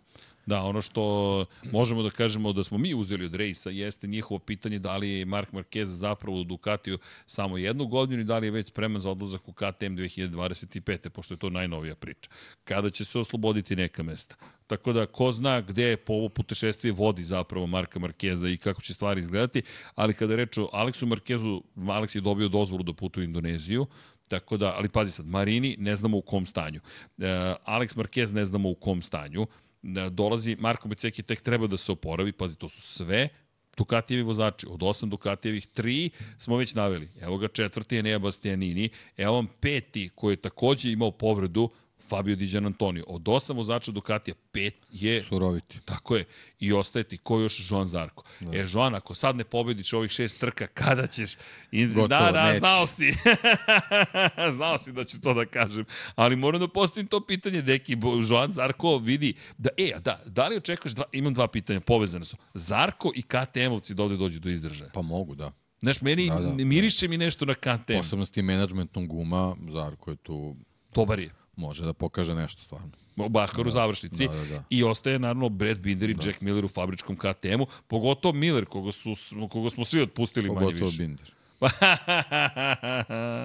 ja i dalje čekam Jacka, koliko god da mi me izluđuje što nije konstantan, čekam da se pojavi u nekoj priči. Pa on je stavio na pobjedičkom postolju u Herezu. I od onda ga nismo videli tamo. Dobro, znam šta ćeš reći, logika ne, uopšte ne govori prilog moje teorije, ali kad sam bio logičan, tako da je to sve normalno. I naravno Aprilije, nemam predstavu šta će biti sa Aprilijem u celoj ovoj priči. Da, nekako opet, opet se ponavlja ono simptomatično kako ide finiš sezone, pojavljuju se neki gremlini i neke, neki čudni tehnički problemi koji ono generalno sputavaju ekipu. Pazi, Sad je ono, sad je, sad je iskušenje da, da, da se u završnicu uđe bez, bez, bez tih ne, ne znam kako bi nazvao to, znaš, stvarno se dešavaju neke, neke čudne stvari, tako da ovaj, sad je na njima, imali su sad ovu mini pauzu, da, da, da kažem, da, da, da provere šta se tu sve dešava sa motociklom, ta pregrevanje, šta je, kakvi su već sve problemi bili, da jednostavno to reše i da, da, da vozači mogu se fokusiraju na, na, na takmičenje. E, kada pričamo o Apriliji, ova priča o Massimo Rivoli, moram da iskoristim. Honda, ako nekoga uzme iz drugih ekipa, obezglavit će nekoga. Dakle, zamisli da je Honda uspela da linju da otme iz redova Ducatija. Kako to utiče na Ducati? Znaš, ne samo koliko ti sebe jačaš, nego šta činiš Ducatiju i s druge strane, ako ti Rivolu privoliš da ti se pridruži i da napusti Apriliju, kako to utiče na Apriliju? Znaš, to, Jedini spas da rival do Ferrari.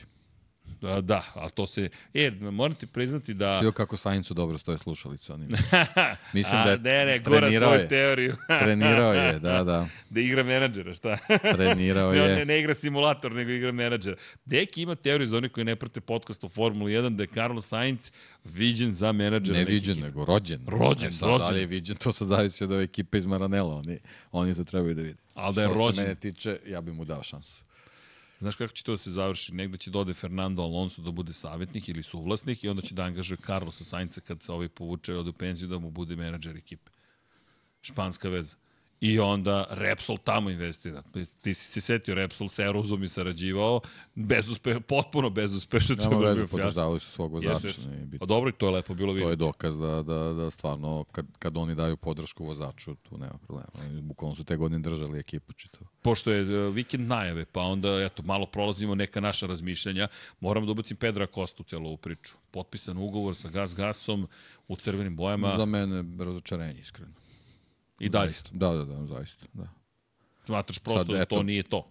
u nekom novom svetlu taj ono, Marquez bira Gresini, pa kao više nije tako strašno što nisi u fabričkoj ekipi, ali generalno mislim da i Moto Grand Prix onako mislim da gubi sa ovim potpisom. Da prosto zvezda nije dobila da Tako bude je. zvezda, već da je Tako je, dobila da tako je. dobije sedište. To su neka nova shvatanja i ok, ajde, ako, ako je to tako vidjet ćemo. Možda, možda grešim, ali mislim da, da je to trebalo na mnogo pompenzniji način da se uradi da on uđe u Moto Grand Prix. Znaš kako je meni izgledalo? Kao, dobro, ajde, evo ti mesto. Bukvalno, dobro, ajde, evo ti mesto, a to ćemo da saopštimo u pola Ali nedelje. Ono što sam, izvini, što sam pričao prošli put, mislim da i do menadžera. D- ali vidi, ali, ali koliko god da je do menadžera, ovo već nije do menadžera. Ovo je, teh, ovo je meni klasičan Tech 3.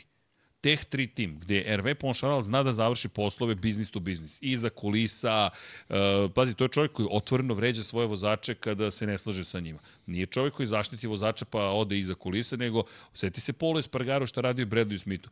A moji vozači samo kukaju, bilo bi im bolje da sednu i da bolje voze. To su izjave šefa ekipe. Jel bi ti poštovao šefa ekipe koji ode pred televiziju i govori o tebi da ti zapravo ne znaš dovoljno dobro da voziš i to što si tražio da nemaš satelitski motocikl, već fabrički je besmisleno. Da bi pet godina kasnije rekao, tri godine kasnije, e, pošto nisu hteli da nam daju fabrički motocikl, mi smo odlučili da napustimo Yamahu. Čekaj, prijatelju, malo pre si rekao da tvoji vozači nemaju pojma i da tra, zato što traže bolji motocikle zaslužuju kritiku, a sad si potpisao ugovor pod rečima, bili su nam potrebni bolji motocikli. Nešto ne pije vodu. Dakle, nešto ne pije vodu. A saopštenje ide ovako. Bukvalno smo uzeli, ja, dakle, ja bi im napravio bolju fotomontažu od one koji su posaopšteni na društvenim mrežama. Pedro Acosta potpisao za Gazgas. To vam je saopštenje. Dakle, niste čak ni sačekali da se pojave na stazi i napravili od toga veliko saopštenje. Pedro Acosta stiže, novo lice Moto Grand Prix se pojavljuje. Uh, uparit ćemo ga sa šampionom sveta Moto 2 kategorije Augusto Fernandezom koji je toliko oduševio ove sezone. tandem. Tandem koji je bio prošle godine tako uspešan kod Aki Aja, nastavlja svoju priču, uh, pa onda priča o broju. 2.37 zajedno, koji broj će da nosi, o, je, da li može da uzme 51 od Pira ili ne može, pošto je Piro probni vozač koji gostuje s vremena na vreme. Da odeš, prijavljen s 50 Ili odeš kod Mikele Pire, bez obzira što je rival i kažeš Mikele daj mi moj broj. Šta god, ti imaš toliko priča da ispričaš, ti ispričaš, evo vam post na društvenim mrežama. Ali eto, ne, sad si spomenuo taj marketinški, mali marketinški pa deo zastave sa Ajkulom 37-icom, one ne, ne vrede sledeće godine. Pa mislim, vidi, da. Jedino ako Augusta nekako nagovori da ovaj bude 317. Pa ja mislim da, on je već, već prijavljen pod brojem 37. Pa da. To... Ne, samo ako Augusto odluči da promeni pa da, broj, ali, ovaj ali da način da kako je ušao, ne verujem čiko da se bavi brojem. To je, to je point. Ne. Pritom, sećaš se kaka, kako je onako, kakvi su grčevi na licu bilo kad je, kad je Olivira pobeđivao u, u ovaj, satelitskom KTM-u fabričke vozače. Da li stvarno misliće da će KTM toliko da uloži sledeće godine da digne gas, gas, da Olivira, da Acosta ima najbolji, najbolji motocikl na gridu? Pa mislim da Vezano će, za KTM. Da se vratimo na KTM. I KTM da, je otvoreno rekao, ko je prvi, on dobije najviše, ali, ali prvi među jednakim je Brad Binder. Dakle, ti već imaš vozača koji će prvi dobijati delove. I onda ćemo vidjeti šta će biti s ostalima. A Tech 3, ono što sam mogao da vidim, nije se promenio previše. Malo je bogatije domaćinstvo. Ne, samo, samo da li, da li ovaj, za 24 možeš da prognoziraš da će KTM biti zainteresovan da se gas gas više eksponira nego, nego sam KTM. Nema šanse. Nema, ti ćeš sta Red Bullu da kažeš eksporirat ćemo više našu, našu robnu marku iz Španije. Da. A vi Red Bull, austrijski tim koji podr... austrijski gigant koji ima svoju stazu, tim Formule 1, e, budžet koji je beskonačan i koji nas podržava od početka, vama, vas ćemo da stavimo na poziciju broj 2 jer Pedro Acosta. Nema teorije. Mesto da napraviš fotografiju Koste sa Verstappenom, odmah, na primjer. Bukvalno, ali to ti govori možda i kako posmatraju Pedra Kosu. Okay. Pa da, upravo to. Ja mislim da je to ta priča. I, i to je okej. Okay. Listit ćemo ugovor na kraju sledeće godine. Koliko je to za njegovo pouzdanje dobro, za, jer ova sezona Nije bila, jeste, ima sad postaje elementi bolja. dominacije su tu, ali ali nije to neke, to. Neke stvari su bile klimave. Pa ne, ne preterano, ali u trenucima kad, kad su se tako neke stvari pojavile, videli smo da on, da on a, želi da pokaže stvari koliko je dobar i onda naravno u toj želji su uvek, uvek dese neki problemi. I to baš na Red Bull ringu. Između ostalo. Između ostalo. Između ostalo. Pri čemu, kada pričamo o njemu i njegov, a ono je bio vapaj na prethodnoj trci. Recite mi gde ću da budem. Ok, evo, bit ćeš Evo ti što si dosadan. Ja, bukvalno. A, a i, hajde da se dotaknemo pola Espargara. Znaš, imaš ugovor. Meni šta nekako znači ugovor više? bilo, da. Ne, ali šta da, ti ugovor da. više znači uopšte? Apropo da. malo pređešnje priče, da da li može zaista da se izvuče iz ugovora Miguel Olivira. A je li uopšte ugovori imaju neke značenje? Ima klauzulu za koliko možeš da ga raskineš. A ono što smo i pričali, nisu Moto Grand Prix-u, nažalost, cifre tolike da, da, ne da, da, da je to baš problem. A videli smo i Formula 1 da su mnogo veće, da kad postoji ovaj želja, pronađe se i način da se to uradi. Tako da ne znam, KTM ponovo nespretan, blago rečeno u celoj ovoj priči, pri čemu cijela priča o Polo Espargaru. Čovjek je doživeo nesreću. Da. Živeo nesreću. Ne, ne, bukvalno su i njega i Akostu spakovali u pakete Red Bull programa mladih vozača u Formuli 1. E, bravo, Dejki. Bukvalno su spakovali tu to. priču. Ti si mladi talent, a čekaj, polako, majstore. Ajde da guraš Ajde da guraš. Ajde da guraš. Ostavljamo mi Millera koji ove godine M ništa nije pokazao, M, M na privatnom planu čovjek je postoji otac i sve koji, koje su njegove ambicije da, da nastavi da rizikuje na nivou koje je KTM potreban. A deluje mi da okruženje sve više liči baš na Red Bull Racing. Pričemu, ko je Helmut Marko u, u Moto Grand Prix? Ko je taj koji reže i kaže ti ulaziš, ti izlaziš? Pri čemu, pogledaj koliko im je značilo što su Maxa Verstappena forsirali kao što su ga forsirali. Vidiš talenat, podržiš talenat. Čim se otvorila vrata, surovo, otpušten Danik Kvjat, ma čao, otpušten u pola sezone, evo ti nove boje. Sećaš se koliko je Verstappen bio preplašen kad se slupao u Monte Carlo? U... Jesi sećaš kakav izlazi iz bolide? Sećam se kako ne. I, i... To, je, to je to ustrojstvo koje trebaš da imaš u tom, tom Red Bullu. Dobio si šansu, ali moraš da iskoristiš ako si ekstra talent. I šta se desilo a, posle on toga? nije ni dobio. Ne, A Kosta, nije, ni a Kosta nije dobio. I pit, pritom, ko, ko zna ko će da mu ponudi ugovor sledeći put. Za 2025. Hajde Ko vidimo. zna kakva će sledeća sezona bude. On je, on je u gas gas. Ne znam. Meni Sa, to... sa 21 ajkulom oko njega. On je isto ajkul, ali imaju mnogo veće peraje ajkula oko Kakav njega i, test. i zube. Kakav test. I nije čak ni test. Da. Pitanje je da li ti ga... Ono čuveno setup to fail. Da li me nameštaš zapravo da ne uspem? Jer to se desilo Raulu Fernandezu. Da on se pobunio, smatram da je pogrešno pristupio stvarima, jer on je otuđio i novinare, i drugi timo, sve je otuđio, i sponzore je otuđio Raul Fernandez, e tu je preterao, ok, imaš problem sa ekipom, ali to rešava i interno, ne možeš da se ponašaš prema svima kao da su ti krivi za to što si ti potpisao određen ugovor. Ti si ga potpisao, ta ekipa ti dala neku šansu.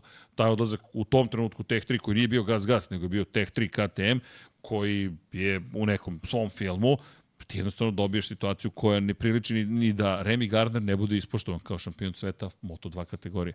E, ali zanimljivo, ti kada pogledaš posljednje tri šampiona, sve su šampioni zapravo koji odlaze u Tech 3.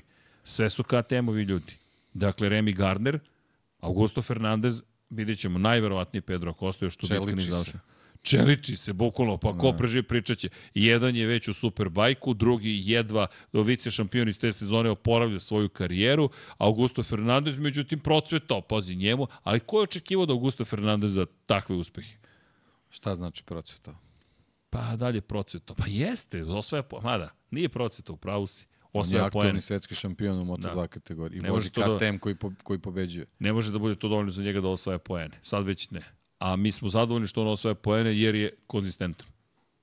Dalje procvetao. Šta, ruki godine? Pa da, Nije. jeste. Na početku Pa sezone je već bio ruki je, godine. Pa, naravno. Ne, ne, kažem, ja ono, gajim i simpatije prema njemu, sve okej, naravno. Nisi jedini. Ono, naravno, ali, znaš, šta, šta je sledeći korak? Ne znam. Koliko traje do sledećeg koraka? Ma ne, ne, ne, ovo je, nešto za, A zapravo pravo si. Kostu. Baš sam mu uputio ružne reči sada kad sam rekao da je proceto. Nije proceto, on mora da postigne mnogo više od toga. Zapravo kao šampion sveta ti moraš da budeš taj koji će, se pobeđi, koji će pobeđivati. Ja to ne vidim da će se desiti. Kao da je dosegao svoj biti- maksimum biti, ovim u što je Q2, postigao. biti na sprintu u nekoj dobroj poziciji vezano za podijum. Ne- Nešto, nešto mora da se desi. Jer ti si svetski šampion aktuelni. Da. Dobro, to je možda moje viđenje Augusta Fernandeza, trenutno. Što nije po, po, pohvalno previše. Dobro, morat ću da razmislim o mom pogledu na Augusta Fernandeza. Bez sve šale, on donosi titulu Moto2 klase. Dobro, hvala deki, kao i uvek. Mudre reči, mudre reči. Hvala tebi, Srki. Pa, kako koristiš taj, ptš, taj backhand. Ko Đoković kad vrati. Ptš. Da, to samo leti, pršti na sve strane. E, Pedro Acosta, eto, stigao čovjek u Moto Grand Prix klasu. Ne znam još uvijek šta će biti sa Fabijom Di Gianantonijom, u smislu da li će se negde izvući nekako, nemamo pojma, ali... Deluje mi opušteno. Njemu je važno da je tu. Diđa, A ima čoveka koji će to da mu reši. Diđa, da, mislim da je njegova budućnost i dalje svetla šta god da se, šta god da se bude događalo dalje. Dobro, deki, svašta smo mi ovde. Sada Mehmedović. Šta? Dobro večer, dobri ljudi, pozdravljam, podržavam najbolji i najjači podcast u Evropi po pitanju čovjek idemo donirao. firmu i opet je donirao. Hvala Sada Sada me ne, ne znam što da vam kažem, Da. već se osjećamo neprijatno, mislim, hvala vam Da. zaista. Dakle, čovjek je donirao 10 eura, hvala još jednom. Svake noći don, čovjek donira, dakle, šta, mo, ništa sada me, sutra ponovo podcast. Ali šalim se, bit će podcast, inače za oni koji žele da čuju Hasana Bratića kako je postao fotograf u Formuli 1 i više od toga, jedan od najboljih fotografa nezavisnih. To je vrlo zanimljivo, inače danas Andrej i on nerazdvojni, dva drugara haraju po Beogradu. Andrej Isaković, inače takođe čuveni fotograf i, i ne samo Formula 1, nego čovjek koji radi za AFP, ali čovjek koji čije slike, fotografije prosto imate u knjigama svim mogućim i pogledate njih dvojica šetkaju se izgledaju tako nenametljivo, a ono bukvalno ko zna ko su ljudi legende, ali, ali eto da Legenda znaš. svog posla, da. Da, jesi ti Da, inače Debanđa kaže Pedro potpisao i opet imamo dva slobodna mesta u Moto Grand Prix. to ti je to. E, inače, samo da napomenem da Pa, juče... generalno nadali smo se će Pol da ostane u priči. Eto, to je to je između oslog to jedno mesto Da, pa, koje da. se praktično eto oslobađa. Tako je, tako je. Inače, e, kaže, e, Sadan kaže, ja odmaram i uživam u svaki vaš podcast, sutra sam na poslu smena od 24 časa, ali ću da pratim i sutra podcast.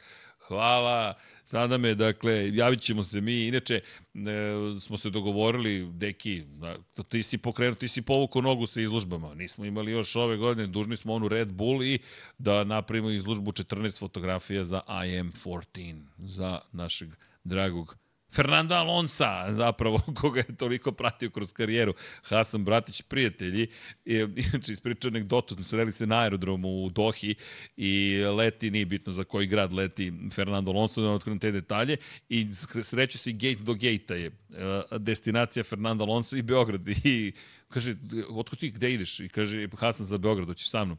Idem još uvek na ovu stranu, ali, ali držite palčeve, Jed, jedan gate da promaši Fernando, pa da ga dočekamo. U svakom slučaju, e, kada kada govorimo o, o evo da da Banđa kaže Srke ako gledaš po Maxu Max nije debitovao u RB Racingu nije debitovao samo zato što imao 17 godina i preskočio je i Formulu 3 i Formulu 2 i morali Uopšte, su negde da ga smeste negde da ga smeste da. dakle da je on vozio Formulu 2 verujte on ide direktno u Red Bull Racing i šta hoću da kažem 2015. vozio Toro Rosso četvrta trka sezone 2016. on je već u Red Bull Racingu su bukvalno otpustili Danija Kvijata koji je dve trke pre toga stavio na pobedničkom postolju ali dve dva greha je počinio. Našao su isto vreme u bolidu koji treba Maxu i dva puta je udario Sebastijana Fetela, pa makar bilo u Ferrariju. Se, Sebastian Fetel je uvek bio dobar sa, sa ekipom Red Bull Racinga, odabrani. Pa dobro, to, im je dao, to je dao baš dobar izgovor. Dao je, lepo izgovor. Evo, vidite šta Kvijati čini. šta, dira bivšeg našeg šampiona. Kako god, ali... Ja, ovde je Kapten imao svo vreme ovog sveta da, da, da smesti Pedra Kostu gde treba da ga smesti. Ali to se i dalje vraćam, okriviću još više jednu osobu koju si ti već okrivio, to je Carmelo Espeleta. Bukvalno je sramotno da u ovom trenutku kada neko ima sredstava da nađe motocikl, da, da sponzoriše, finansira motocikl broj 5 i da mi povećamo broj takmičara, ti kažeš ne, ne, ne, ne, ne, ne, to ne može da se desi. Dakle, bukvalno si sprečio da dobijemo još jedan motocikl. Neka ga nazovu MV Agusta, neka daju Akiju Aju priliku. Aki Aju operator, čovek je izvršitelj, dakle, egzekutor, bukvalno. Šta mu je teško da ima jednu garažu sa jednim motogram privozačem? Verujte, nije. Ali, to je opet manjak vizije kod Dorne koja je zakucana ponovo kao što su Honda i Yamaha zaboravili da se vremena promenila, tako su oni zaboravili da se vremena promenila. Ali kažem, eto, ja mislim da tu ima i, i ne, ne, ne pričamo u negativnom smislu, nego jednostavno uloga Alberta Valere, očigledno kao menadžera, nije, nije trenutno toliko bitna u Moto Grand Prix, iako i Jorge Martin, njegov, njegov ovaj, štićenik, tako da ovaj, očigledno to što imaš dvojicu trenutno možda ovaj, i, i, i najperspektivnijih vozača i, i nekih superstarova budućnosti ne mora ništa da znači ako, ako možda i ne umeš da zauzmeš pravu pregovaračku poziciju i da, i da svoje klijente jednostavno da, da napraviš toliki hajp oko njih da, da, da, da bukvalno svi trebaju da, da ih požele u svojim redima, ono što Karlo Pernat majstorski radi. A dobro, Pernat je legenda, njegov podcast se... A dobro, da, ali trebaš onda i ti da učiš da postaneš tako legenda, je, tako je, tako što sad imaš takav materijal, znači ako, ako su tvoji štićenici, imaš trojicu štićenika koji voze, znači Lorenca ne računam, znači imaš Jorgea Martina, Pedra Kostu i Aleša Espargara. Ja ne znam kakav ti portfolio treba pa da, da, da ovaj, kad dolaziš u padok da svi znaju tvoj lik kako izgleda. Dobro, ali vidi, je... Karlo Pernat podcast radi tako što uzme onu baštinsku korpicu, francuski izlet, otprilike sebi organizuje, sipa proseko i, i jucka proseko i lagano komentariše Moto Grand Prix. Ne znam da li što još uvek radi, to je pre par godina radio u jednom trenutku. Kako izgledao moj vikend? Čovek je hedonista pre svega. Pa eto, možda treba prepisati neke recepte i i raditi na taj način. Zato smo mi otišli u gastrošor. Dakle, ja mislim da ćemo dobiti 400 kg ako se ovako nastavi, jer svi naši novi do, komšije domaćini dođite na, jel te, konzumaciju svega i svačega. A man, ljudi, pa stvarno, ja ću postati Jagnjeća brigada uskoro i to mora da, mora da se stane na put. Danas sam, morati se pohvalim, jeo samo salatu čudno su me posmatrali, ostale kolege su me čudno posmatrali. Elem, imamo odgovor na pitanje da li će se Mark Marquez prilagoditi Ducatiju. 75% kaže da, 25% kaže ne. To otprilike, otprilike i zaista jeste taj odnos. Ja Bukvalno mislim da je ovo tako. dobra, dobro merilo da. stvari. Ali tu ćemo da završimo.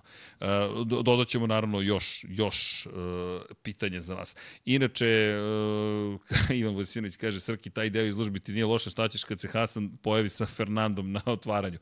Da slavim, verujte, onda ću da idem kod svih komšija po gastrošoru. Dakle, ali to kad bi se desilo, verujte, čak i mi koji verujemo u sve, dakle, ja verujem i u to, ali ću verovatno se onesvestim i da da sednem negde uza zide i kažem, dobro, ja ću sad malo da odmorim, idem da pajkim, ali da, to bi bilo fenomenalno. E, zašto ne razmišljate o Masiji preko Kotora? Ko kaže da ne razmišljamo? Ko kaže da ne razmišlja? Ko zna šta? Evo, evo gospodin trlja bradicu, ko da ga je da, duh Điđije Dalinje trenutno živi kod Dekija Potkonjaka. Znate koliko se on muči da napravi Ducati? Pobiće nas ovde sve, ali ne vez. Doći ćemo do toga. Tu muku trpad je to put, treba se izboriti sa svima nama. Ali, e, da, i razmišljamo o svemu. Pripremili smo već neke lepe stvari koje, koje smo se dogovorili s gospodinom Kotorom. Čekajte mi, Hasana smo nahvatali. Dakle, lasom, lasom. Evo ga, pojavio se u Beogradu. Sad mister Kotru da se pojavi u Beogradu, pa ćemo posle lako za Masiju i sve ostalo. Deki, e, Indonezija, da se vratimo samo na Indoneziju, zaista velika nepoznanica. E, tempo kreće udrnički ovde, ovde baš će biti žestoko. Da, s jedne strane jedva čekam, moram da ti priznam, jedva čekam da vidimo uopšte šta će se dešavati, da vidimo prvi trening, pazi, ovaj ceo raspored koji imamo ove godine toliko zahtevan imaš jedan trening pri čemu temperaturne razlike, verujem da će biti ozbiljne, dakle između prvog i drugog, taj drugi određuje odlazak u Q2, koji je postao baš zahtevan, sve pod ogromnim pritiskom i opet dva, dva vozača M protiv B ili B protiv M, dakle kojim god redosletom da posmatrate stvari, to je naša bitka za titulu šampiona sveta i ja zaista se nadam da će tako ostati do kraja sezone. Baš razmišljam. I, i danas sam razmišljao o tome, čoveče, opet ću da to ponovim, U dva popodne 26. novembra po centralnom evropskom vremenu počinje poslednja trka šampionata sveta Formula 1. U tri popodne počinje poslednja trka šampionata sveta Moto Grand Prix. Šta ukoliko u Valenciji se odlučuje šampion sveta kraljevske klase? Šta ćemo onda? Šta ćemo onda? Da. Dakle, Moto Grand Prix koji potencijalno ima 10.000 puta zanimljiviju sezonu po pitanju borbe za titulu šampiona sveta će sebe dovesti u poziciju da u sred trke Formula 1 kaže, ej, naša trka je sad u sred... U sred pa dobro, možda će njima tu biti neki reper. Da vide, vide kako stvari stoje. Da, da, pa dobro, da. ajmo da vidimo. Možda nije tako loše, samo trebamo eto da navijemo to što si rekao da imamo taj da kažemo, najbolji scenario, nadam se bez nekih nuspojava koji tako. Mož, mogu da se desi. Ne samo to, sudijske odluke tako dalje, neću uopšte da ulazim u to. Da. Ovaj, da dobijemo taj najbolji scenario, da stvarno u Valenciji dobijemo odluku. Ono, možda ta staza baš i nije ne znam, nekako nije možda naj, naj, naj, Srećnija. najsrećniji izbor za, za ovakav eksplozivan Moto Grand Prix kakav imamo da se, da se na njoj odlučuje, ali neka bude tako kako jeste, takav je kalendar i ovaj, jednostavno i kad si ovaj, u, takvom, u takvom šampionatu i takav vozač na tom nivou, svaka staza treba da ti bude izazov i da, i da, i da na takvoj stazi u stvari dobijemo ono, baš, baš pravi spektakl ovo je korak ka tome, epizoda još jedna, 15. konkretno, da ne kažemo 29. i 30. možda imamo nove, deke, ovo će biti 30. trka na kraju ovog vikenda. 30 trka koji su ovi momci odvezli u 2023. godini. Pritom ogromne pauze smo imali. Da, i to ne, to ne sme da se ponovi sledeće godine. I, I po trenutno kako je kalendar organizovan, to se zaista neće ni desiti. Neće se desiti, ali vidim da oni baš, baš onako već preveću očima kad vide kalendar. Pa vidio samo se o tome, što je sasvim i normalno, o tome se baš mnogo priča. Kako i ne bi pričao kad znaš da te čekaju 44 trke u jednoj sezoni. Biće baš žestoko. Baš će biti žestoko. E, inače, zaboravio sam jednu stvar da napomenem kada smo pričali o Kračlovu, a to je zapravo da je njegovo mišljenje da kada Mark Marquez bude seo na Ducati da ostali manje više ne moraju ni da se pojave. Ja baš ne verujem u tu situaciju, moram ti priznati. Ne mislim da će sad doći Mark Marquez i počistiti sve. Mislim da ga čeka ozbiljan posao. Mislim da će biti izuzetno konkurentan, ali ne vidim to što Kračlov najavljuje. Imam po meni mnogo parametra koji trebaju da dovedu do toga da se, da se to i desi. Znači, na prvom mestu je sam Mark Marquez, njegova fizička sprema, motivacija, apsolutno absurdna pričamo o tome, znači uvek na 100%, tu, tu nema, nema šta. Znači, njegova, njegova fizička sprema, a, onda je na, na, možda na drugom mestu posle Markeza, ovaj, a, generalno shvatanje Ducatija u kojoj meri trebaju da se posvete njegovom nastupu za Gresini na godinu dana starom motociklu. I treća stvar je koliko Gresini može da, da izdrži zahteve koje će sa sobom donese zdravi konkurentan Mark Marquez. Pa dobro, to je ono što si ti najavio, kada dođe Mark Marquez u Gresini, oni preuzima, porodica praktično preuzima tu ekipu na neki. To je velika opasnost za Gresini. Sve sa osmehom, onako. Znaš. Profesionalno. Tako je. Znaš, profesionalno. I naravno za Ducati veliko pitanje. Ti ubacuješ ti ubacuješ u, u, u trenutno jednu mirnu situaciju, ubacuješ čoveka koji sa svojom ambicijom dolazi ne da se bavi Ducatim, bavi se svojom titulom. To nije kritika Markezu, to je samo Absolut. konstatacija. Dobro, nećemo dalje da idemo u, u 2024. Znam da te uzruja kada pričamo da, o prelaznom periodu, da, ali, ali sad smo došli u novu da, fazu. Da, ovo je neko, neko drugo vreme i treba ga obeležiti u ovom trenutku. Da. Pa ćemo da vidimo u stvari kako će da se složi sve. Najbolje bi bilo da dobijem informaciju da ne prelazi u Gresini. ali gde onda, deki? Nećemo ne. da otvaramo. pa molim te kutija, ne, ne, molim te ne. Nemoj tim putem, nemoj ta na tu stranu uopšte da idemo, ajmo nešto drugo da pričamo.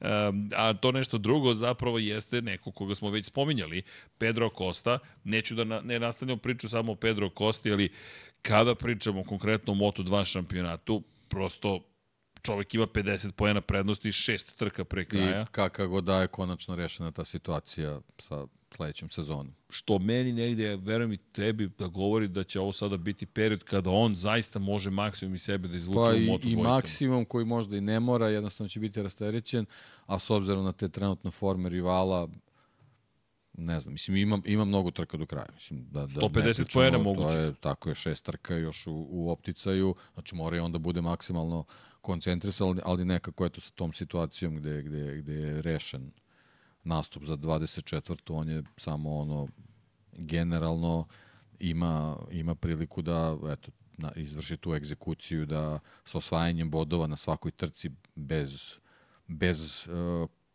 preterane potrebe da pobedi na svakoj mislim da, da može mirno da privede sezonu, sezonu kraju. Sad je samo pitanje da on to hoće da uradi u velikom stilu.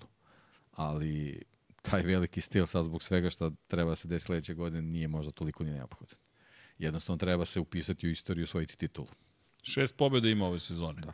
Znaš, šest trka do kraja, da pobediš na 50%, to je 9 pobjeda. 9 pobjeda je već jedna impresivna Pa to je već i matematički A ne samo i osnovna titula, već da. taj broj je impresivan. Znaš, sve što se približi broju 10 je i da. čak i u ovom povećanom broju trka. Znači već sa, već sa, sa, ovo, sa ovom trkom, sa dobrim plasmanom, recimo možda Jack Dixon možda bude već isključen iz, iz ovaj, teoretske borbe za, za, za bilo šta i onda praktično ostaje Arbolino videli smo. Toplo, hladno, čak ne možemo kažemo toplo, nego mlako, hladno, otprilike. To je, to je neka njegova vožnja. E, a da li misliš da možemo da dobijemo dvostruku pobedu Somkijata Čantre? Somkijata Čantra koji je ovde slavio da, prvu da. pobedu u karijeri prošle godine. Ne znam koliko je on sposoban za to da, da, da, da Mi smo sposobni da to pobedu, vidimo, ali... ali... ali s obzirom da je bila ova pauza, mogo je malo da, da, da, da se ovaj kako bih rekao, da, da, da se resetuje i da se eto, pripremi za nešto što stvarno mo, može, što se njega tiče da bude ozbiljan spektakl. Znaš, šta je meni zanimljivo u ovom momentu kada je reč o Moto2 kategoriji? Sada već posmatranje toga kako će se ostali pripremati za narednu sezonu, jer sad znaju da kralj odlazi, potencijalni kralj, najverovatniji kralj odlazi, Ajo Gure meni zanimljiv, moram ti priznam. Ja želim da vidim da li će Ajo Gura ući najzad u tu formu koja je dovoljno konzistentna da sledeće godine, inače Hondina podrška ostaje i kada napusti da, da. ekipu, da, to da. ne smemo da zaboravimo. HRC vozač. HRC vozač. HRC vozač i mislim da će ipak doći do toga to je ta japanska filozofija to, koju to. mi baš ne razumemo, ali eto, to je, to je tako. Poštujemo, Dakle, znaš kako ja to gledam? Sa osmehom, sa uvažavanjem, nisi naš vozač više, u smislu ekipe, ali imaš punu podršku od nas, iako te teramo. Ajmo da teoretišemo. Pazi ovako, evo ti hipoteza ili pogled na svet.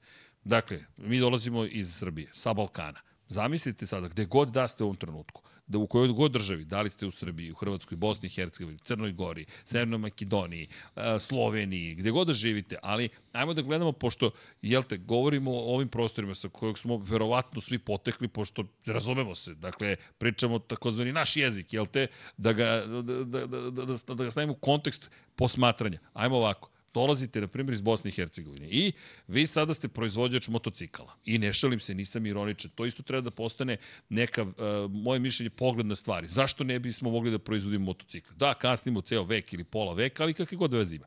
I imate mogućnost da nekog momka ili devojku iz Bosne i Hercegovine protažirate kroz cijelu priču. Možda nije najbolji, najbolja, ali mu dajete šansu ili njoj da nastupa u šampionatu sveta.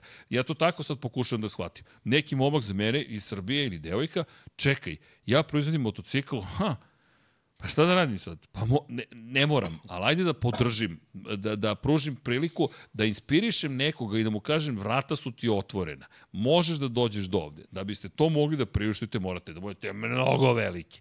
I to vam govori koliko je japansko, koliko su japanski proizvođači veliki. I to mene dovodi na, s jedne strane, zaista to mnogo poštujem, jer tamo negde u Japanu neki klinac, neka klinka može da kaže, čekaj, ja i dalje imam otvorena vrata, jer evo ga Takaki na Neće me napustiti. Tako je, neće me napustiti, što je meni zaista nešto što je, što je za poštovanje za poštovanje. Pri čemu često zaboravljamo, ti i ja ne toliko, ali zapravo nije lepo da kažem da zaboravljamo. Ko onda zaboravlja? Impliciram da publika zaboravlja. Ne.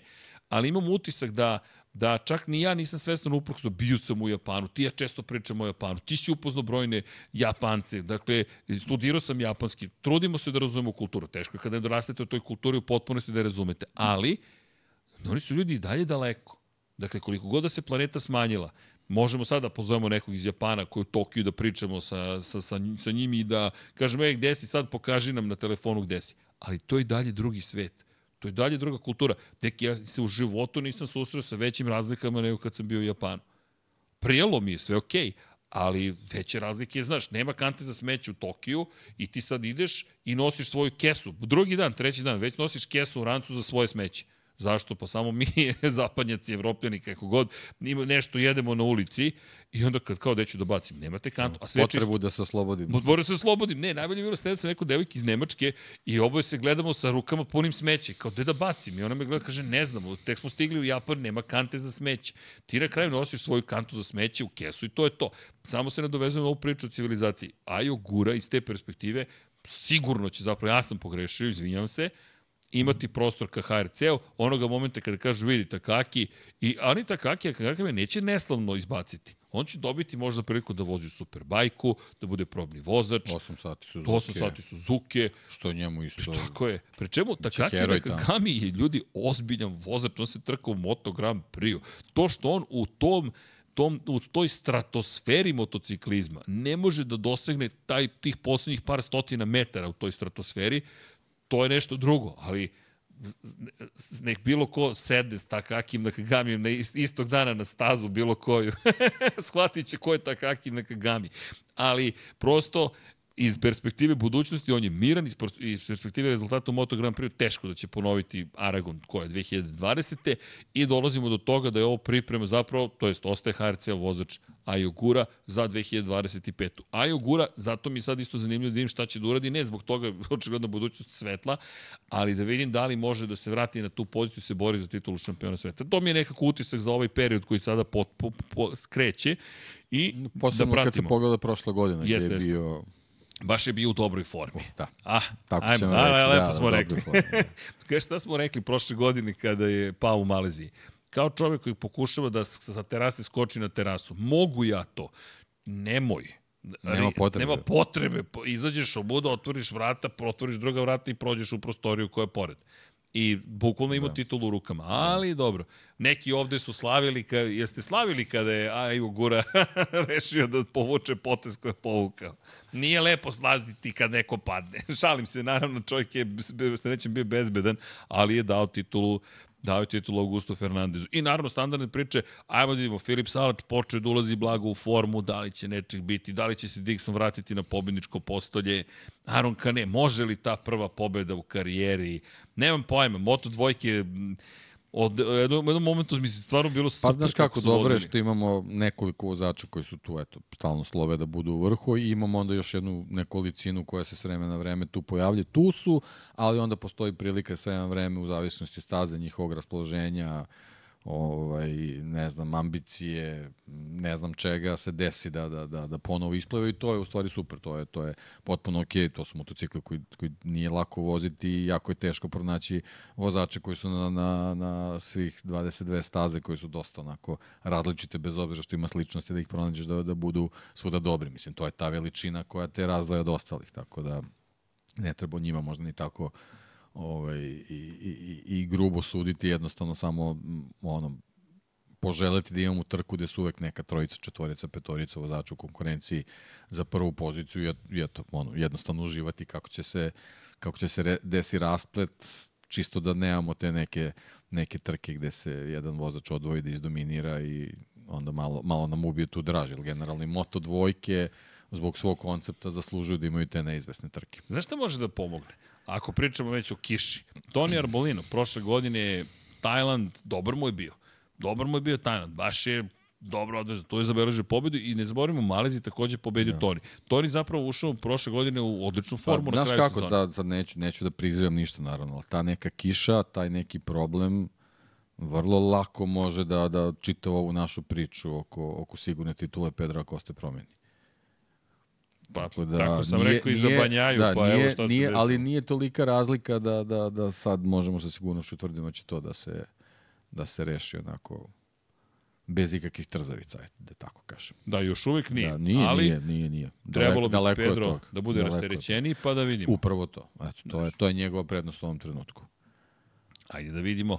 Ba, ja se iskreno baš radujem e, konceptu toga da vidimo, da naučimo još nešto. Izmo, jer nekako Moto dvojke sve se svelo trenutno čekamo, samo čekamo da se nešto desi ili da bude krunisan Pedro Acosta ili da se Toni Arbolino jel te, vrati u igru. Još uvijek se ne dešava. Ali dobro, ljubav prema ovom sportu bit će trajna, ja mislim. Tako da e, čekam, uzbudimo trku Moto2 klasa i to ćemo da najavimo. Moto2 kategorije bit će mega uzbudljiva. Inače, e, samo da napomenem jednu stvar. Vratio bih se na trutak na stazu. Zašto se Mandalika zove zapravo ulična staza? Zato što staza je zapravo u sred grada i tako je organizovana da vi zapravo kada pogledate, zaista možete da pričate o tome da je zapravo neka vrsta ulične staze. Nije ona bukvalno ulična, ali se nalazi u sred Lamboka i eto, vidjet ćemo da li će, Lomboka, izvinjam se, da li će prosto zaživeti kao neko destinacija. Ja mislim da hoće jer Indonezija ogromno tržište za proizvodnjače motocikala,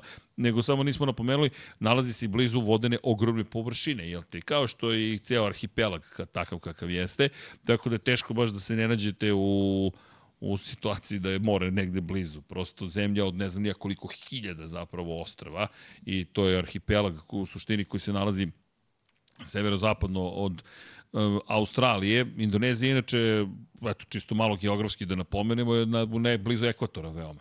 Tako da je meni to uvek zanimljivo kad idemo, kada postavim, zapravo ovaj deo se nalazi na južnoj polu lopti. Nekako Indonezija uvek doživljam kao da je na severnoj, ali eto, ne znam zašto sam sve ovo ispričao, ali ostaje se potrebu za malo za geografiju i nadam se da će, da, da će vam ta informacija biti iz nekog razloga zanimljiva, možda i potencijalno važna. Ono što jeste važno jeste Moto3 kategorija takođe, podjednak važna, ako ne još važnija. Deki, jeste se tamo smanjio broj potencijalnih šampiona, to jest nisi smanjio broj potencijalnih, nego onih koji su blizu jedni drugima. Međutim, u 9 poena, vodeći sada Jaume Masija, koji ima dve pobede za redom, dva druga mesta pre toga, a Yumu Sasaki koji je gore dole, ali dva najbrža kruga, treći, drugi, 193 poena, šest manje od Jaume Masija i Daniel Olgado, pozicija broj 390 poena. 30 poena manje od Olgada ima David Alonso. 43 poena manje ima Denis Onču. I 45 pojena manje ima Ivan Ortola. Odjedno se mnogo toga promenilo. Znam ko je bio tužan kada je Onđu imao pad u Japanu, ali dobro, činjenica da se od vodeća trojica nekako, ja mislim, se izdvojila. To je moje mišljenje. I sam uvod mi je takav kao, ne kažem da neće se sad Alonso, Onđu i Ortola boriti, ali ova trojka mi deluje sve stabilnije. Masija, možemo samo da ga hvalimo, ali ne bih isključio ni Sakija, ni Olgada. Neću puno, neću puno. puno Međutim, pogledaj, prvi, prvi, treći, drugi, četvrti, treći. Znaš, meni to delo je kao da u pravom momentu i Olgado ulazi u dobru formu, sa Sakim je najnestabilniji u toj celoj priči. Ne znam. Najnestabilniji, ali čovjek od Španije osvaja bodove. Da, o, to je njegova prednost. Fakat. Sa druge strane, Masi je eksplozivan i imate poslednje četiri trke koje su koje su odlične, pri tom te gde, gde nije osvajao bodove su stvari više uh, proizvodi njegovih grešaka, što znači da, da je samo bitno da bude stabilan i da on ima svoju, svoju tu eksplozivnost i, i, i tu dinamiku osvajanja velikog broja bodova. Kažem, sa Saki ispada da uz tu brzinu ima i tu, tu konstantnost, a Olgado treba ponovo da nas uveri da, da ta prednost sa početka nije bila slučajna i da sad ove poslednje dve trke pokazuju da je on ovaj, da kažemo se stabilizovao i da je u stvari shvatio šta je potrebno ovaj, da, da se uradi da bi do, do samog finiša ostao u konkurenciji za titulu, pa šta god da se desi. To su Moto trojke, mislim, bukvalno u nekom idealnom scenariju možemo, može da nam, se, da, da nam se desi da imamo taj izlazak iz poslednje krivine u Valenciji gde ćemo ovaj, dobiti pobednika. To se, to se već dešavalo. A opet što se, tiče, što se tiče ove trojice, u nekom spletu okolnosti, s obzirom da imamo šestoricu vozača ovaj, u, u, u toj igri vezano za, za šampionsku titulu, dovoljno ti je da šesti zabeleži pobedu, da trenutno vodeći u šampionatu bude šesti i ti već imaš već imaš razliku koja ovaj koja se drastično smanjuje i već ti, već ti ovako zakuvava čitavu priču, tako da tu može jako zanimljivo sve da bude. E, Moto trojke, stalno ponavljamo koliko nas udušivljavaju, jednostavno to je kategorija koja je toliko neizvesna. Pričao sam sa našim drugarom, pozdrav za naših drugara Goran iz Podgorice koji se vratio inače do nas prošle subote i koji kaže nisam nikad gledao Moto trojke. Onda ste me navukli na Moto trojke sada ne odustaje od Moto trojke. Tako da, ko nije navučen na Moto trojke, pogledajte trke Moto 3 klase, zaista je to ta jedna predivna adrenalinska žurka koja traje, gledate neke mlade ljude koji hrabro, agresivno voze, precizno, do poslednjeg momenta se ne zna ko će triumfovati, uvijek je dramatično ili u većini slučajeva dramatično, onda dolaze Moto dvojke gde polako dolazi veština više do izražaja, pa možda nije toliko sve otvoreno i onda dolazi krem dela krem Moto Grand Prix kao zaista velika završnica gde najbolji od najboljih se zaista bore na najbolji mogući način. Tako da Moto trojke ja zaista preporučujem koliko god da su rano, verujte ima razloga da ustanete i kažete čekaj daj da pogledam. Pri čemu ja često govorim o tome da je sve moguće. Ova trojka mi deluje sve ozbiljnije. Naravno, nije završeno. Ukoliko, gde su problemi za Davida Alonso? Novajlija, on je četvrti, nema kritika ovde za Davida. Kakva kritika? Čovjek je pobedio tri puta ove godine. Šta god da uradi, on je već uradio ozbiljan posao. Ali, ide u Indoneziju. Koliko puta je vozio na Mandaliki? E, nula idemo na Ostrovo Filip. Koliko puta je vozi tamo? Nula puta. A Ostrovo Filip, ljudi, prvo će se dete oduševiti, dakle kad ga puste tamo na Ostrovo Filip, a onda će da kaže, čekaj kako se sad ovo da se savlada, bit će mu potrebno vreme. Zatim, idemo u Buriram. Koliko puta je vozio u Buriramu? Pa u Maleziji, pa u Kataru. Dakle, mi dolazimo na staze koje su za Davida Alonsa enigmatične, ali on je bio peti, sedmi u Indiji i Japanu. Sledeće godine biće u fantastičnoj formi. Samo da napomenem šta ovde može da se sakrije. Ako mu se nekako otvori situacija, gde su problemi? Kao i u, uvek kada je reč o mlađim vozačima, po kiši teže voziti. On je u početku po kiši bio nesiguran. Vremenom je napredovao na prvoj trci koju je vozio po kiši, ali eto, tu, ću, tu, tu, to bih mislim da treba gledati. I mi, napomenuću Deniza Ondžua, zato što iskreno žao mi je što je propustio prilike. Ovaj pad u Japanu potpuno nepotreban. Ako i možemo da kažemo 14. mesto u Indiji, e, e, splet okolnosti koji je mo mogao i morao da se izbegne, ali Japan prvi pad za Denis Onđo cele sezone, sad mora da nađe načina da ostane dovoljno, čuvena, čuvena bitka Denis Onđo, da budem brz, a da ne budem prebrz, da se obuzdam u ključnom trenutku. Nažalost, mislim da se vratio lošim starim navikama i volio bih ovde da vidim Onđua koji, bez obzira da li će moći da osvoji titulu ili ne, se bori za pobedu i završava trku pre svega, jer potrebno je i, i nama je on potreban, meni se on dopada što je drugačiji od svih ostalih vozača.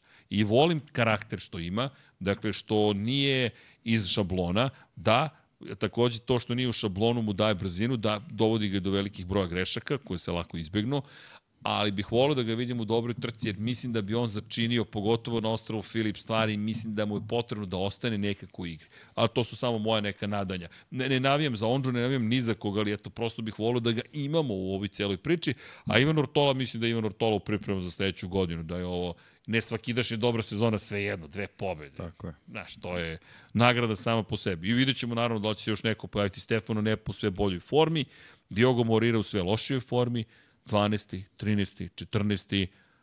Potpisao ugovor za Moto2 klasu, ali meni to ništa ne izgleda kako treba, moram ti priznati.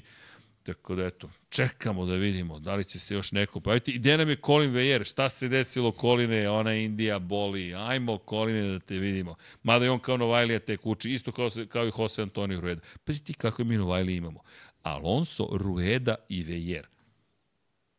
David Salvador koji nije loš, ali daleko je od ovih. Dobro. I, znaš šta bih još napomenuo? Deki, moram da iskoristim priliku. Istorija se desila sada u nedelju. Mi smo dobili još jednog šampiona Junior Grand Prix-a u Moto3 klasi, Angel Piqueras, završio posao potpunosti. Dakle, hoću da istaknem tog momka, ne zato što je potpisao za možemo i zbog toga za Leopard Racing, već zato što jednostavno se govori, radi o dečku koji ide stopama Pedra Kosta, ide stopama Jose samo Antonija da, Rueda. Samo da uči od Pedra. Tako Korake. A dobro, vidim da imaju te neke veze. Imaju vrlo bliske da, veze. Da, upoznat je sa situacijom i kroz sve što Pedro prolazi, tako da ne sme samo te greške Moram da ponovi. A možda ovaj put ovaj odlazak u, u Leopard možda već, već i, i, i pokazuje da je možda nešto naučio. Da, to nismo pitali, niti ćemo vratno pitati da. Miodraga Kotora, ali naš utisak je, moram priznati da detektivski ne pratimo, ali neki ovde su rekli, morate momci, malo se modernizujte, pratite društvene mreže. Kažem, ne volim da mešam te privatne odnose, ali sestra Angela Pikera se se zabavlja zapravo sa Pedrom Akostom. Kada imate te porodične odnose, ja morate priznati da sam tad bio ubeđen da, da bi nešto moglo da se desi, da tračevi koje, koje smo čuli od Rikarda Hovea imaju osnova i duboko sam ubeđen da je KTM zapravo sebe doveo već sada u situaciju da ko ima malo više informacija razmišlja o tome da li želim da idem tamo, da li želim da idem tim putem. Ono što nedostaje Honda, da se Honda uozbilji da kaže ok, moramo veću podršku da pružimo ne samo Moto Grand Prix, već i Moto trojkama, jer samo dva proizvođača, proizvođača postoje u Moto 3 klasi, to su Honda i KTM, kako god da se potpiše KTM, to je i dalje KTM, pisalo Husqvarna, Gas, Gas ili, ili CF Moto i Angel Piqueras pobedio čovjek u Aragonu, završio posao Luka Luneta, pozicija 2 trenutno, Alvaro Carpe je treći, ali eto, bukvalno delovi istorije. Inače, baš je bilo zbudljivo, ne znam da li ste ispratili tu trku, onako, meni je vakar bilo ba- zabavno da ispratim, ne, jer Angel Piqueras zaista privlači tu vrstu pažnje. I mislim da ćemo ga pratiti vrlo ozbiljno u godinama koje dolaze. Inače, Sena Agius je šampion u šampionatu Evrope Moto2 klase, čisto da napomenu, koji dobio je ugovor sa Intact Grand Prix. Ne, ne spomenjamo često Junior Grand Prix, ali nekako mislim da, da u ovom trenutku vredi samo spomenuti. Čavi Cardelos je tamo drugi, Alberto Sure na poziciji broj 3. Ne bih nešto previše analizirao, ali lepo je bilo eto vidjeti u celoj ovoj situaciji tako neke informacije o onima koji, koji tek dolaze. Inače, za, za kup talenata Evrope, tamo je bitka između Brajana Uriartea i Maksima Kiljesa, koji je pobedio dva puta tokom ovog vikenda. I tu bih stao, pošto ako odemo dalje, izanalizirat ćemo sve što se dešavalo, ali a, nešto mi Vlada pisao, kaže Vlada, pogledaj čoveče u svoj telefon. Izvinite, čika, Vlado, aha, imamo novog svetioničara početnika, čekaj da se javimo, izvinjavam se, odmah skačem tamo, Vlado, nemoj ništa da brineš, Uh, Lašlo Bolok, pozdrav, dobro veče, hvala još jedan svetioničar nam se pridružio. Pikera se samo da ne bude na kraju kao Gevara. Da li Gevara imao baš ružnu povredu u predsezoni? Deki, to ono što ti pričaš, koliko je postalo napeto, evo sad ovo sa Becekim što se desilo. Dakle, Beceki se povredio van staze, ali ljudi, to i dalje povreda koja ga sklanja iz bitke za titulu šampiona sveta. Znaš, tebe sklanja nešto što moraš da radiš. Ti, oni non stop voze, deki, oni, nema Pa, više nemaju pauze. izbora, jednostavno mo- moraju, Ti si non stop moraju da budu na dva točka, pa kakvi god. Naravno, najbolje bi bilo da mogu Moto Grand Prix motocikle malo, malo više da treniraju, i- ali verovatno je neko shvatio da o, o, ovoliki broj trkačkih vikenda jednostavno ovaj, je dovoljan da oni budu uvozani, što je jednostavno nemoguće. Mislim. Kao i svaki vrhunski sportista moraš non stop da treniraš, a posebno je nezgodno kad treniraš na rekvizitu koji nije tvoj takmičarski. Da, da, da. Ti imaš situaciju koja je, koja je postala, u početku je to bio, bio trening najboljih, a vremeno je postala norma. I ti sada nemaš praktično ni jedan slobodan moment. Ti ne smeš sebi da dozvoliš da ispadneš iz trkačke forme. Zamisli, futbalere treniraju bez lopte. Non, Treninge koje moraju da, da non stop. I tako. To, to, to, to, kaže Branislav Dević, pozdrav za DJ Government, dosta više deke i srke. Dođi DJ, sedi ovde da te čujemo, šta imaš, šta, ima, šta imaš da nam kažeš. Ali, kada je reč o DJ Government, on priča kroz ploče, priča kroz svoju muziku i to ćemo, ćemo to da radimo, Vlado. Ćemo da radimo muziku, a, jel glasate za muziku? Imam neke lepe vesti po tom pitanju. Srki, mogu, da li je moguće da naručimo zvezdice suvenire sa staze? To morate pitati Jelenu, ne bih ja smeo u njeno ime da vam, da vam ja kažem da li smete ili ne smete. Zamislite da je obavestim da će morati sa staze da donosi suvenire. Pišite, pitajte na Instagramu, možete da je pronađete na Twitteru, to jest na X-u, izvinjavam se, Tako da, da ja ne govorim devojci u ime njeno, slobodno naručite nešto, ali javite se. E, kako kaže Luka, a, ovde, se, ovde diskusija neka i o Jarvisu i ostalima, ali dobro, da, Lin Jarvis, mnogo dugo je tu Lin Jarvis i ne znam da li je to problem sa kojim se suočava Yamaha ili ne. Imate neko pitanje ljudi dok smo ovde da iskoristimo, e, čekaj, stani, stani, sad danas ga neću zaboraviti, juče sam zaboravio, rekao, fantazi, Samo da imamo, deki, šta sta, koga stavljamo u fantazi? Pazi, znaš kom je u fantaziju? Marko Beceki. Jedan je Marko Beceki, Oliveira mi je tu je Augusto. Sad ćemo mi to da promenimo. Dakle, ko da mi vozi umjesto Marka Becekija? Koga? Ajmo ljudi, pišite u četu. Koga da stavim umjesto Marka Becekija u fantazi? Pomozite mi sa fantazijem. Pa da vidimo koga ćemo da stavimo. Znaš koga ću da stavim? Joana Zarka. Ajde, Zarko, da dobiješ priliku u mojoj ekipi. Da te vidim da li, da li imaš to što je neophodno da budeš deo ove ekipe. Joan Zarko. Evo ga. Confirm trade. Joan Zarko. To je to. Marquez, Zarko, Oliveira, Fernandez, Ducati, Fabrički i Aprilija. Rešeno. Nemam para za Martina. 4,6 miliona. Dakle mi ta, ta količina novca. Gde da nađem taj novac? Gde da nađem te pare? Mada mogu, mogu da nađem te pare. O, da se osnovim u potpunosti na Pramakovce i kažem, momci, ovo je sada vaša. Hmm, čekaj, pazi kad mogu da ga priuštim. I jao, Martin Zarko Oliveira Fernandez. Idemo, make the trade, confirm. Ljubičasti su u mom ćošku. Ajmo da vidimo da li će to biti da, da li će to biti rešenje za ja moje... Ja bih udario boost da sam na tom mestu. I boost. Kad si već toliko siguran. Kaže Martina, ne. znači, Zarko neće završiti niti sprint, ni glavnu trku. ja, imam ja pitanje, Boris, kaže, se vidimo u četvrtak ujutru, to je oko podne. Šta je u četvrtak ujutro ili podne? Ne, kad si napustio Breda Bindera, Dragan Matić? E, na kraju prošle sezone sam, sam ga napustio. Srki, da li je moguće? Ovde šok. Dakle, Srki, Deki, da li će Maha promeniti motor i staviti V motor sa četiri cilindra, da li će se to desiti? Trenutno ne. Ono sve što smo čuli da nisu ni blizu razvinja tog motora. Da da su bukvalno na, na, na, na tome da gledaju kako iz ovog motora da izvuku više, kako da ga naprave da daje veću količinu snage, a da opet bude elastičniji, to je da nema takav, takve skokove zapravo u, u isporuci snage, jer to je nešto sa čim se suočili i ono što je ono što je Karl Kračo govorio da je veliki problem zapravo za, za njega od kada je deo, postao deo ekipe Yamahe. Pre čemu su imali Jorgea Lorenza kao razvojnog vozača i to nisu iskoristili, oni su ga jednom doveli na stazu. Yamaha je najgori organizovana ekipa ikada. Ne ozbiljno, pa znaš koliko mene to e, frapira, da imaš Jorgea Lorenza u svom timu te, koji je, kom si platio i rekao testiri. On je rekao testirat ću cele sezone i oni ga dovedu jednom na stazu. Pa dobro, znaš kako, oni su prošle godine bili vice šampioni, pre dve godine šampioni sveta. Dobro. Znači, znaš, okay, bilo, je, postaviš... bilo je jako nezgodno da menjaš koncept u tom trenutku, zaista. Sad je možda, možda dogorelo i sad u stvari trebaju da, da naprave taj rez i kažu ok, žrtvujemo dve, ne znam, tri sezone, ali onda gube Fabio Quartarara i prelaze na koncept koji ono, stvarno je potrebno dosta vremena da, da u stvari shvatiš šta je sve potrebno tu da promeniš da bi funkcionisao kako treba.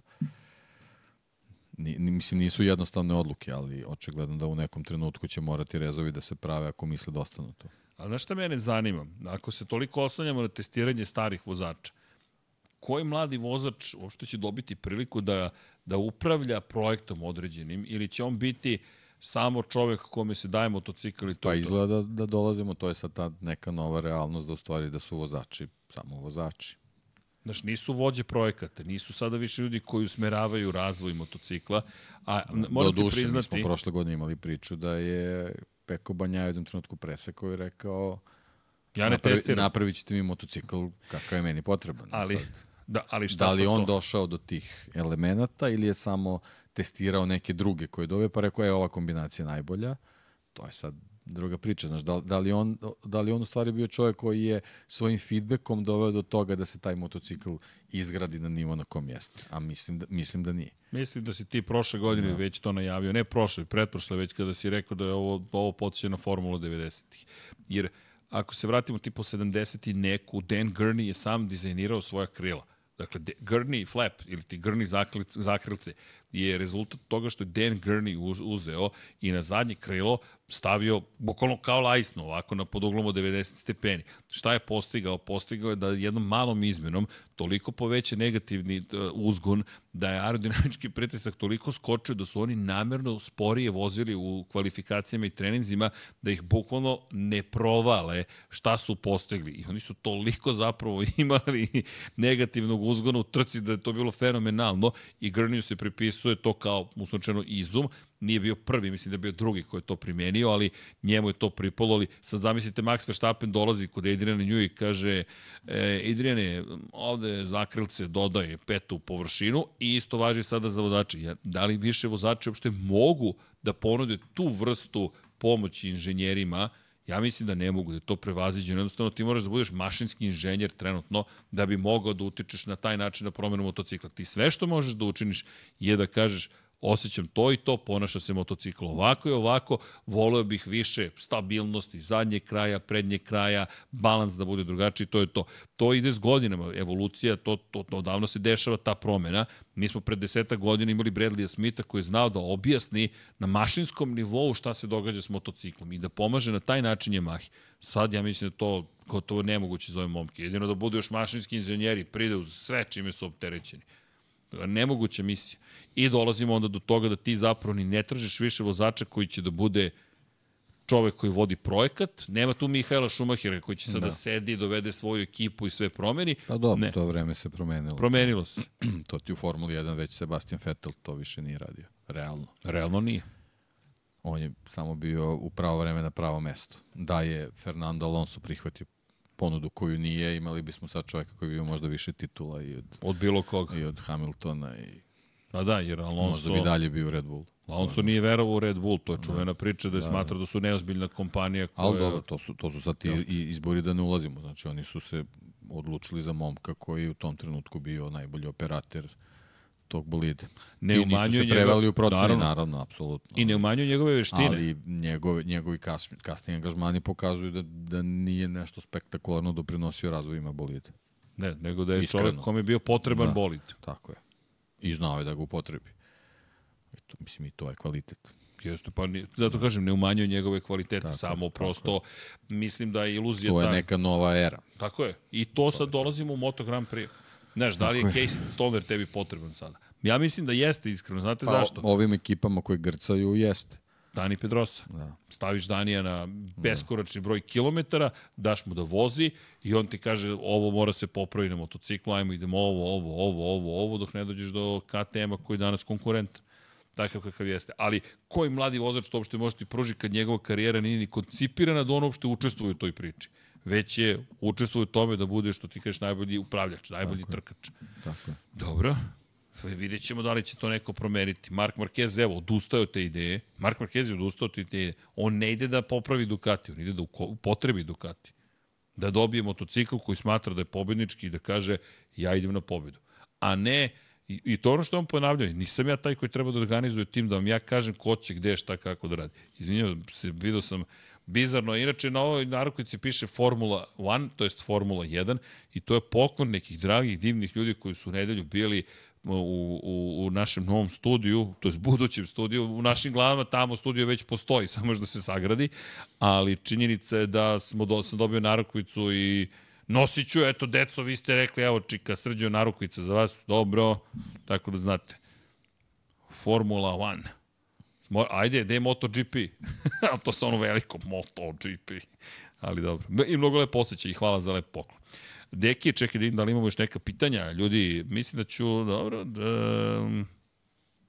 Aha, mislim da će indonežanski sponsor Gresinija Aspira progurati predstavljanje Markeza plus i Gresinija ambasador trkanje Republike Indonezije. Tako smo mislili da će Petronas da progura predstavljanjem Valentina Rosija, tako da nemojte mnogo da se kladite u to. Može da se desi, Može da se desi, da. To je, to je drugi svet. Da, koji mi prosto ne, ne, da. ne Može razumemo. da se desi, naravno, ali i ako se ne desi, neće biti čudno ništa. Da, kaže crnogorski džedaj, nema paja, nema kamilice, čuj mene, proseka kamilice. da, dobro, bi, bi, bi, bilo je svega. Srki, Deki, šta će se desiti s ovim studijom? Pa, ne znamo. Da, mi bismo volili da ih zadržimo sve, ali prosto je malo teže osim ako ne odete na patreon.com kroz Infinity Lighthouse, kliknete like, share, subscribe i sve ostale lepe stvari. Da, mi, mi se tako zaljubimo u, u zaljubljeni smo i ovaj studio, mnogo je romantičan, ne znam šta vi mislite ko je bio u studiju, kakav je osjećaj imao, ali prosto da, mislim da ćemo morati da ga, da, da ga ostavimo iza sebe. Teška srca moram priznati, to će biti drugi studio koji ostavljamo iza sebe, ali dobro. Delić magije, to je, to je tako. Nemojte sad da rastužit ćete me, poznat će da biti emotivno, ali dobro. Uh, da, ne, ne znamo, možda će, ne, ima raznih nekih ideja, pokušavamo i mi da smislimo, ali trenutno kako stoje stvari, mislim da ćemo da će ostati negde iza nas. Da, a, da odgovorim na pitanje, šta, šta ti misliš, ko će na kraju doći u Hondu, onako, na keca? Pa, kažem ti, ako, ako ove priče dolaze iz istog izvora, odakle su došli one o Markovom odlasku, nekako mi, eto, Miguel je možda stvarno najbliži. Pa to smo i prošle redli pričali. Ja, ja mislim da je Miguel i najbolji izbor u ovom trenutku za njih. Najkompletniji izbor. Tako. Od svih koji su dostupni, mislim da zaista dovedeš Miguel Oliviru. On čovek i pati za tim priznanjem. Tako, svega. pet pobjeda. Da, da. Do pet pobjeda. Ili ti na kraju kraja imaš u svojoj ekipi Đijana Mira koji je jednom pobedio jeste svetski šampion, znači neka, neka druga titula je tu, ali da te ne poznajem. čovjek ima jednu pobedu. Mislim, to je, to je sad nešto što, što ovaj, kako bih rekao, moraju da se sklope neke stvari da, da i u Hondi dobiju taj neki balans koji im je potreban, ovaj, da imaju tandem koji može da odgovori tim potrebama koje su ovaj, neophodne u ovom trenutku. Znači, Mir ima to neko veliko iskustvo sa, sa Suzukijem, koji nekako je ipak motocikl iz nekog drugog vremena, a opet sa druge strane e, Miguel Oliveira je nekako rastao i sa tim KT-om kako je, kako je on rastao, tako da sve to može da se uklopi, ta, ta neka iskustva koje njih dvojice imaju, ovaj, ali ja, ono što si upravo malo pripričao vezano za, za, za vozače i njihov doprinos razvoju, ne znam koliko je to koliko je to dovoljno u ovom trenutku da, da, da razmrda Honda. Ali, da se vratim na pitanje, Oliveira mi je nekako onako, ne mogu da kažem na, najbliži, ali nekako najrazumniji iz ove čitave priče. Evo pitanje kada će biti Lab 76 broj 76 pravi? Nemojte ta teška pitanja. Čuli ste da. deki uzdah, ubio bi me sada. Dakle, upotrebio bi ovaj kabel na način na koji nije predviđen za audio studio. da, da.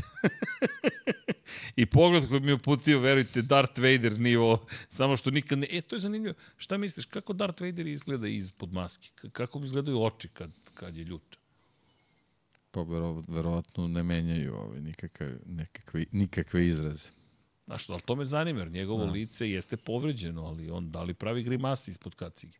Ja nekako čak i što je kaciga zamišljam da ipak... Pa ne znam, s obzirom kako je nasađeno sve, ne znam da ima mogućnost da bilo šta uredi. Pa dobro, ali znaš kad očima... Da, sevne. Pa Se... možda, da.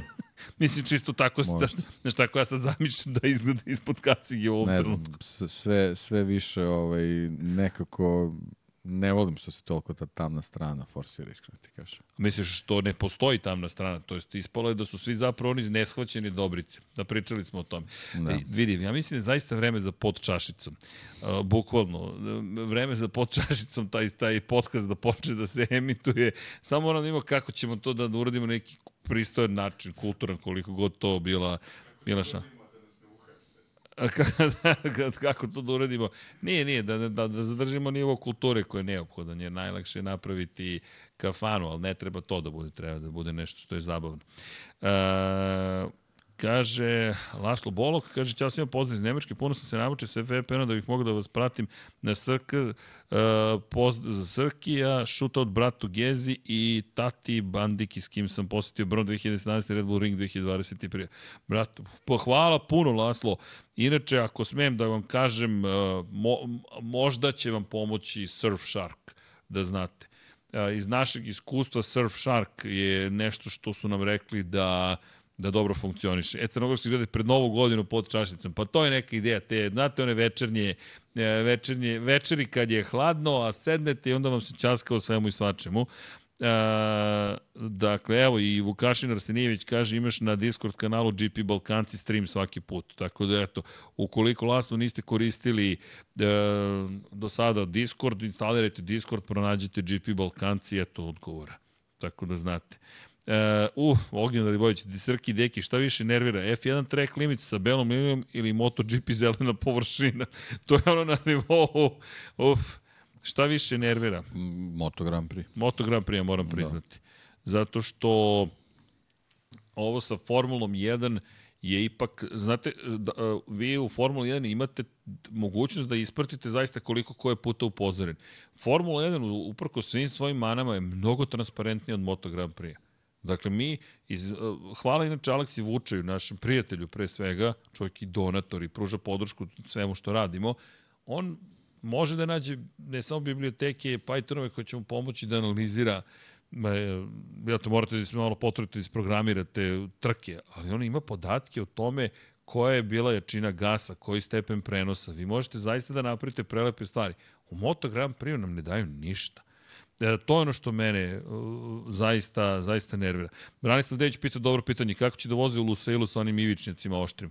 Mislim da će se to menjati. Mislim da moraju da promene ukoliko im je plan da da povedu račun o bezbednosti Moto Grand Prix vozača, kao što su u Herezu prosto mm, su ih već promenili. Dakle, u Herezu je to isto bila priča početkom ove godine, kako ih Matt Oaksley zove, pa i u Mizanu, Dakle, u Herezu su inače već promenjeni, da znate, zmajevi zubi, takozvani Dragon Teeth, i posle te reakcije, pre svega Oxley, koji je povukao sa sobom celu publiku kompletno praktično, su Herezu promenili zapravo ivičnjake, tako da ih, da ih više nema i Mizano je takođe reagovao i mislim da ostaje još Katar da to sredi. Katar inače dobio ozbiljno pretnju. Mohamed Ben Sulaim, predsednik Međunarodne automobilske federacije, je rekao da preti Red Bull ringu, mada mislim da za Red Bull ring, pa i Katar neće to tako lako da ide, mnogo novca, ali on, on će da izvrši pritisak da im se oduzmu trke ukoliko se ne pobrinu o tome da zapravo staze budu prihvatljivije, jer je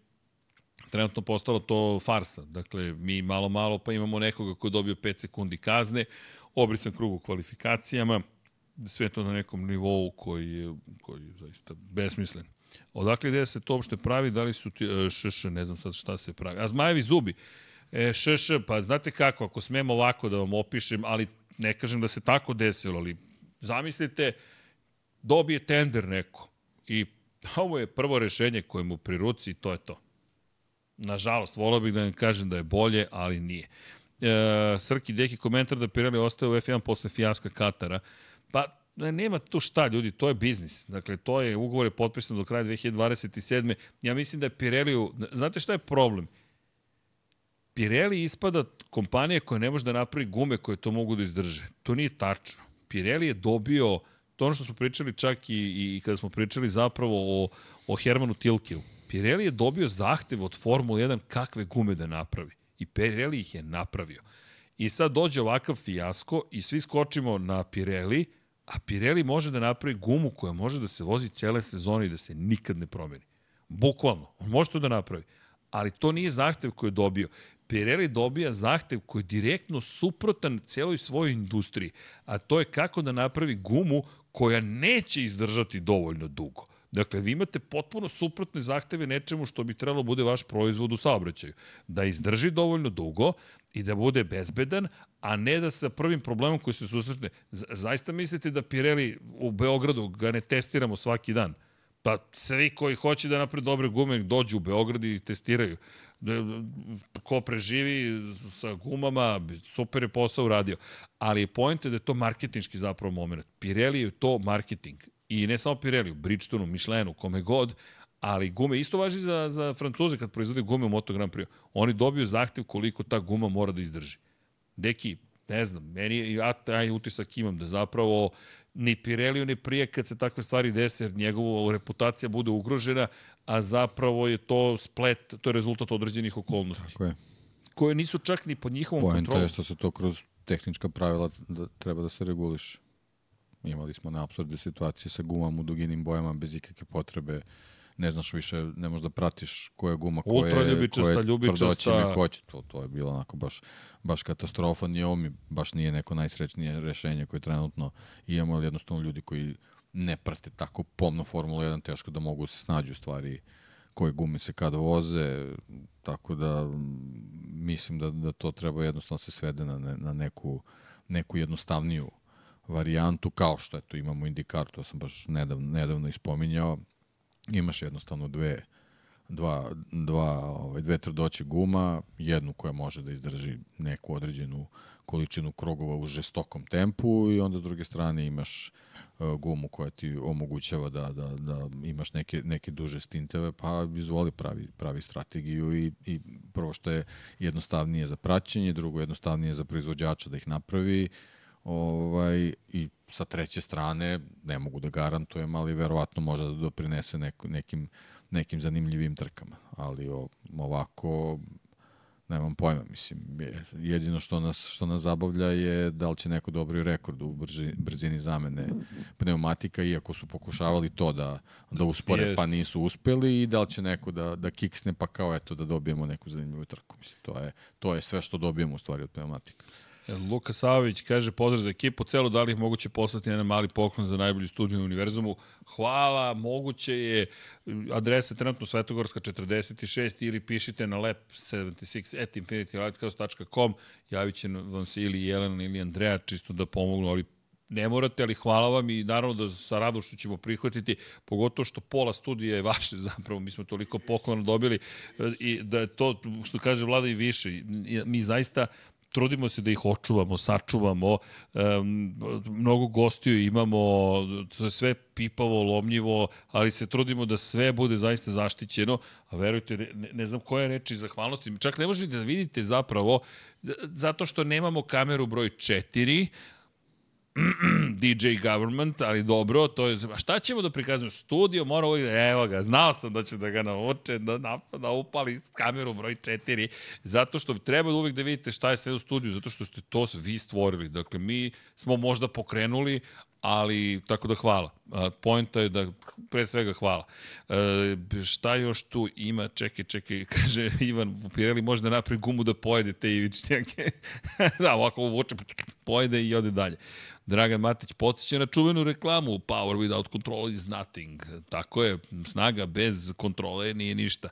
E, e da ima jedan dobar komentar koji se ponavlja, a ja ga ne izbegavam, ali nikako da ga prokomentarišemo. Ali nisam primetio, ne znam koga je dao, samo da nađem. Kaže, da li ste primetili da je Ducatijev najgori plasman kao konstruktora, treća pozicija, kada je April imala dvostruku pobedu u Kataloniji. E, nismo primetili na taj način, priznajem, nismo zaista ispratili iz te perspektive, ali Ducatijevi rezultati ove godine. Prvi, prvi, drugi, prvi, prvi, prvi, prvi, prvi, drugi, prvi, treći, prvi, prvi, prvi.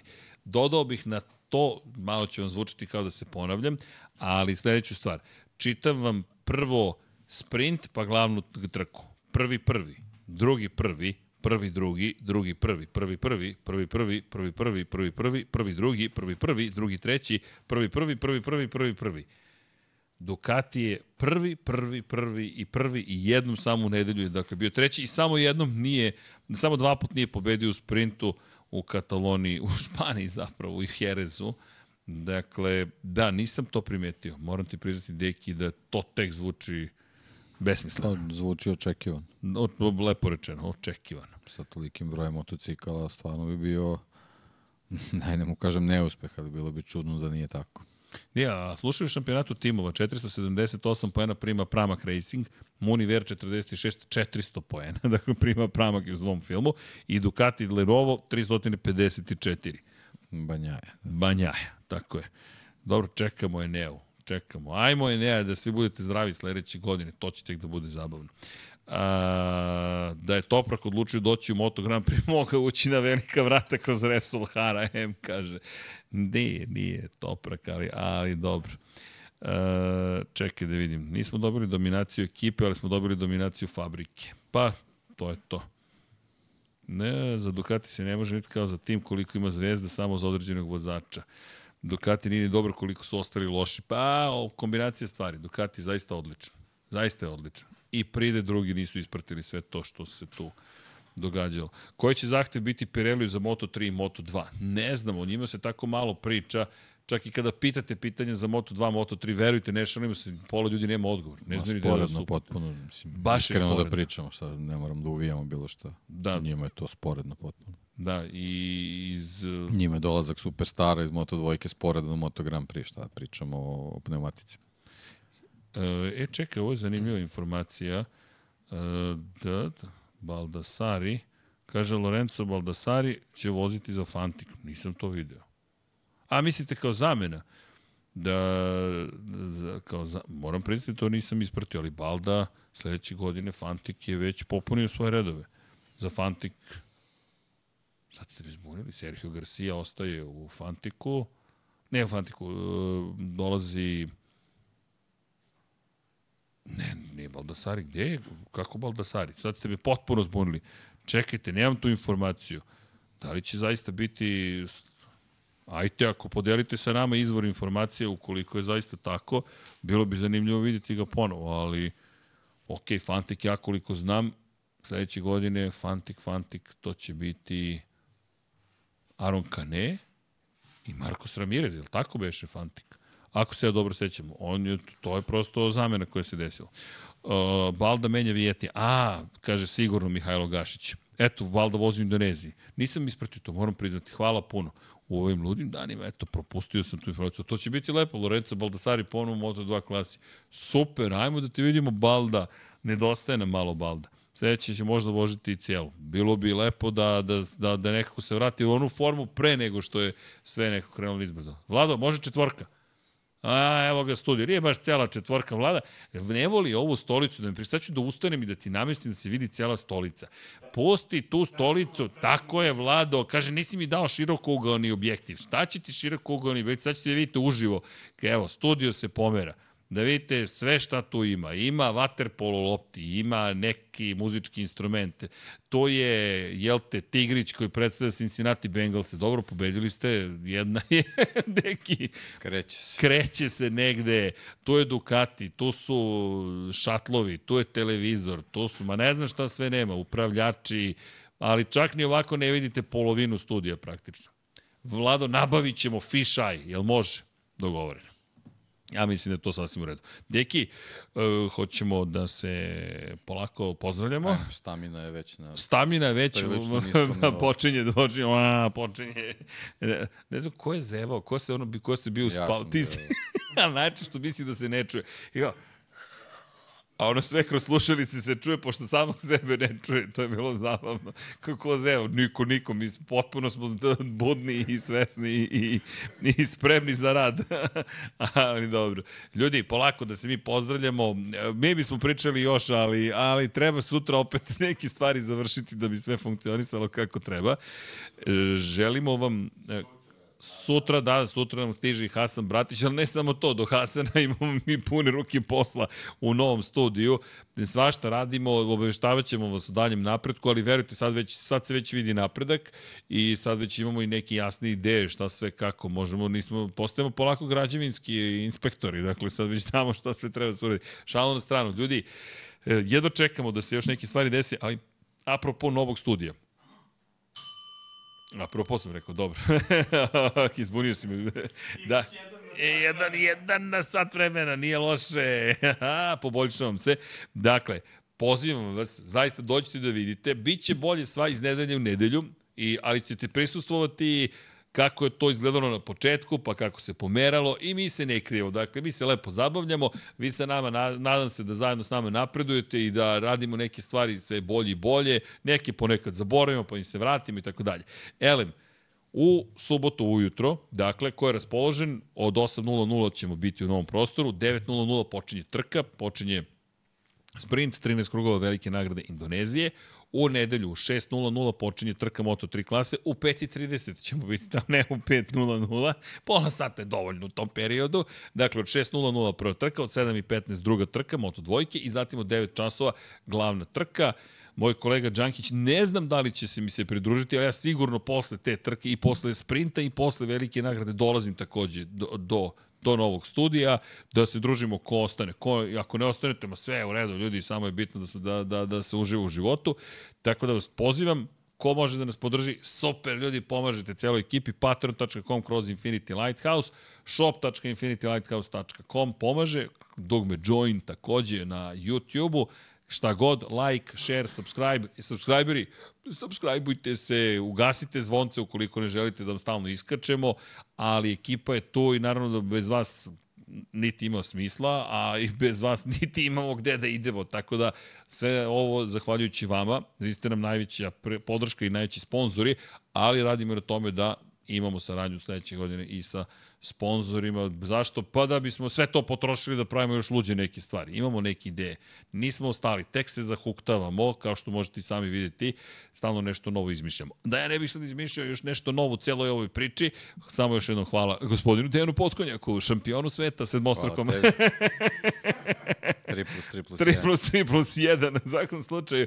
E, bilo je 351. izdanje Lab 76. Naravno da ćemo se sada zahvaliti svim našim patreonima, svim našim članovima na YouTube-u, pokroviteljima takozvanim i krećemo posle toga u odjevu koja će trajati samo jednu muzičku numeru, deki nećemo preterati ovoga puta ka, kao juče što smo se zalaufali, pa se završilo sa čekaj, čekaj.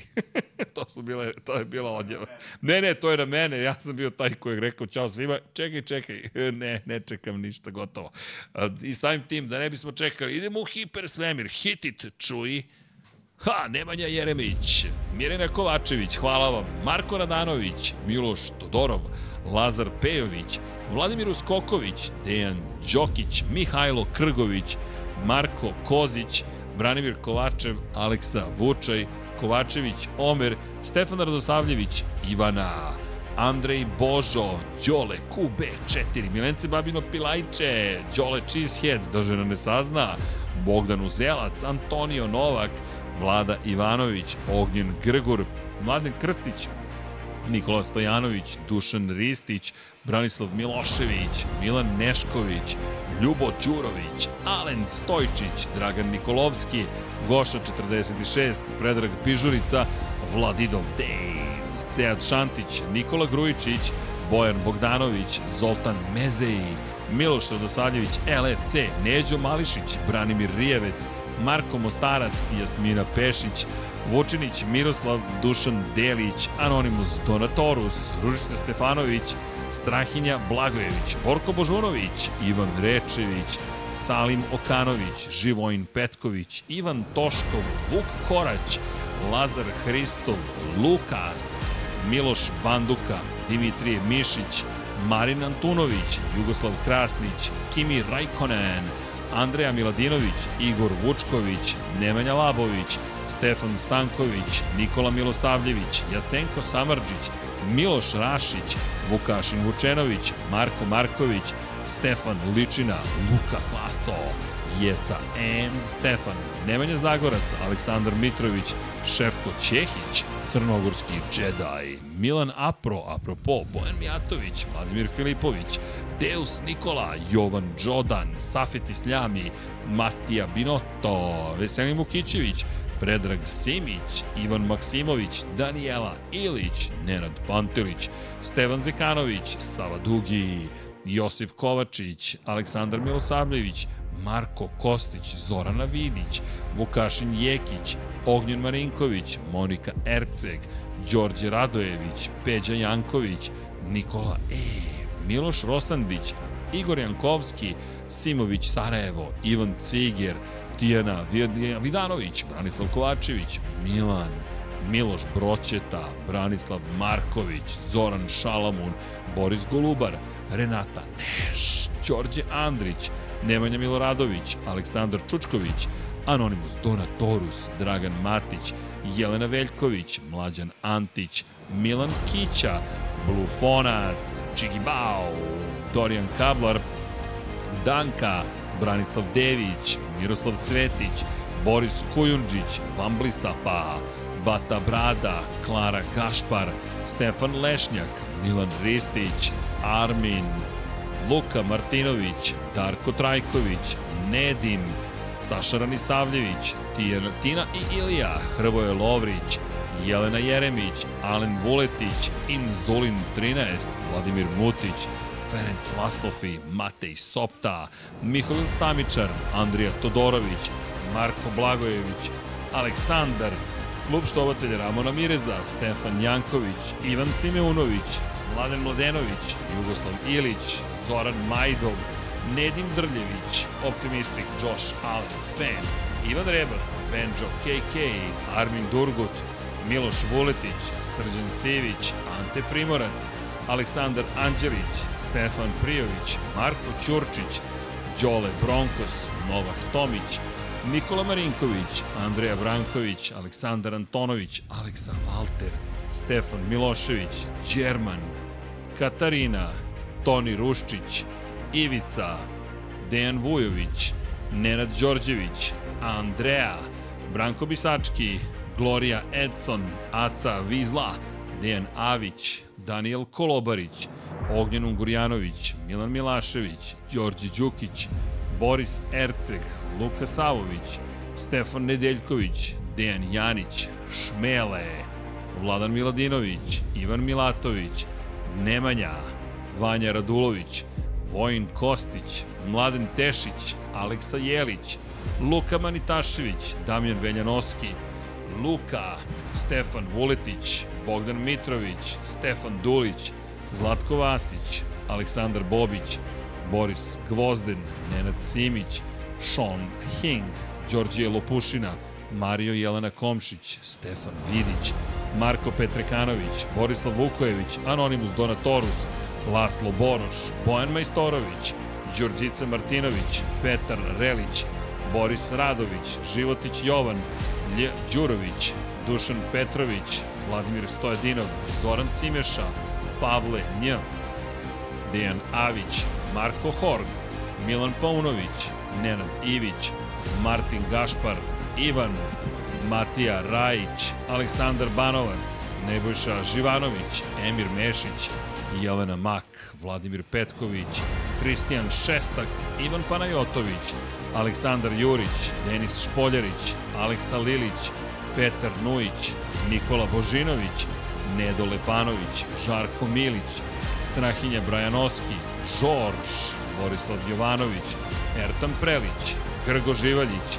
Marko Bogavac, Marina Mihajlović, Bojan Markov, Bahter Abdurmanov, Mirina Živković, Aleksandar Radivojša, Vladimir Jovanović, Igor Gašparević, Mario Vidović, Filip, Marko Trkulja, Andrej Bicok, Ivan Maja Stanković, Ada Sokolović, Ivan Vujasinović, Igor Ilić, Marakos, Sadam Mehmedović, Nemanja Miloradović, Din Stero, Aleks Vulović, Bojan Markov, Vladan Đurić, Bruno Jurić, Tomić Miloš, Đorđe Janjić, Marko Lučić, Blagoj Ačevski, Milan Knežević, Ivan Božanić, Anonimus Donatorus, Tatjana Lemajić, Zoran Baka, Future Graciano Rossi, Ivan Hornjak, Marko Stojilković, Uroš Ćosić, Vladimir Subotić, Aleksandar Kockar, Zlatko Marić, Nikola Božović, Marko Jevtić,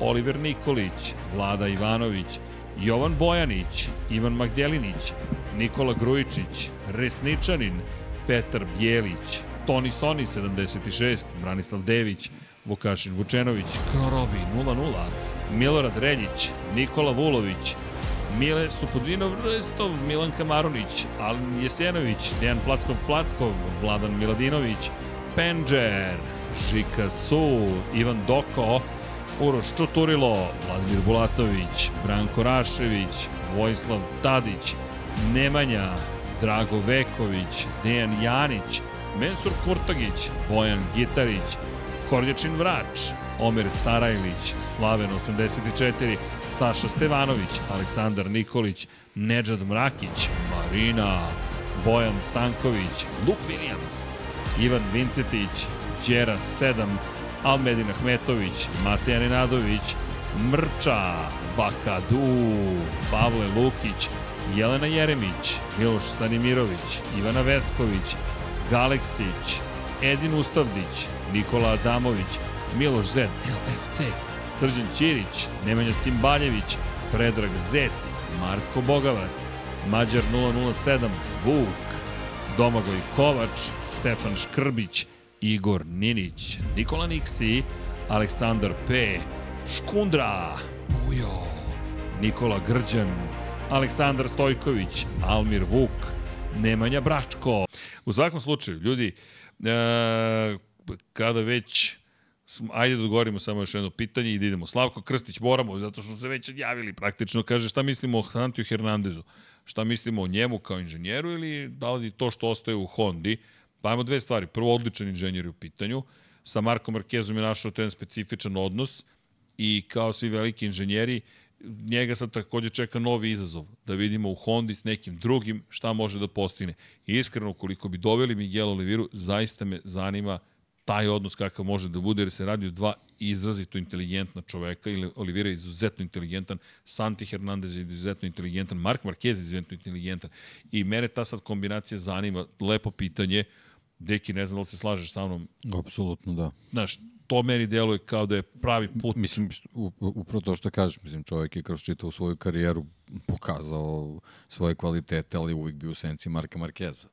To je jednostavno Lepo tako. rečeno, Sad, to mi nije palo na pamet. Ako zaista posjeduješ te kvalitete kakve mi mislimo da, da imaš, onda je tvoja prilika da uz nekog novog Postoji, talenta osvojiš titule. osvojiš, ne moraš titulu, napraviš Budeš, taj neki korak koji je potreban je. u Hondi da se uredi. Ajmo ovako, izvini, Jeremy Burgess radio je sa Wayneom Gardnerom, radio je sa Mikom Duonom, radio je sa, e, nije sa Krivijem, radio je sa Valentinom Rosijem, radio je sa još nekim, samo ne mogu da setim sada ko je još ne bi tu nije prošao. Ne bi tu svakom menjao je vozače, to je i poenta. osvajao da. titule, tako, tako je. i pobeđivao. Tako je. Pritom to su vozači različitih shvatanja, konstitucije, filozofije, različitih talenata.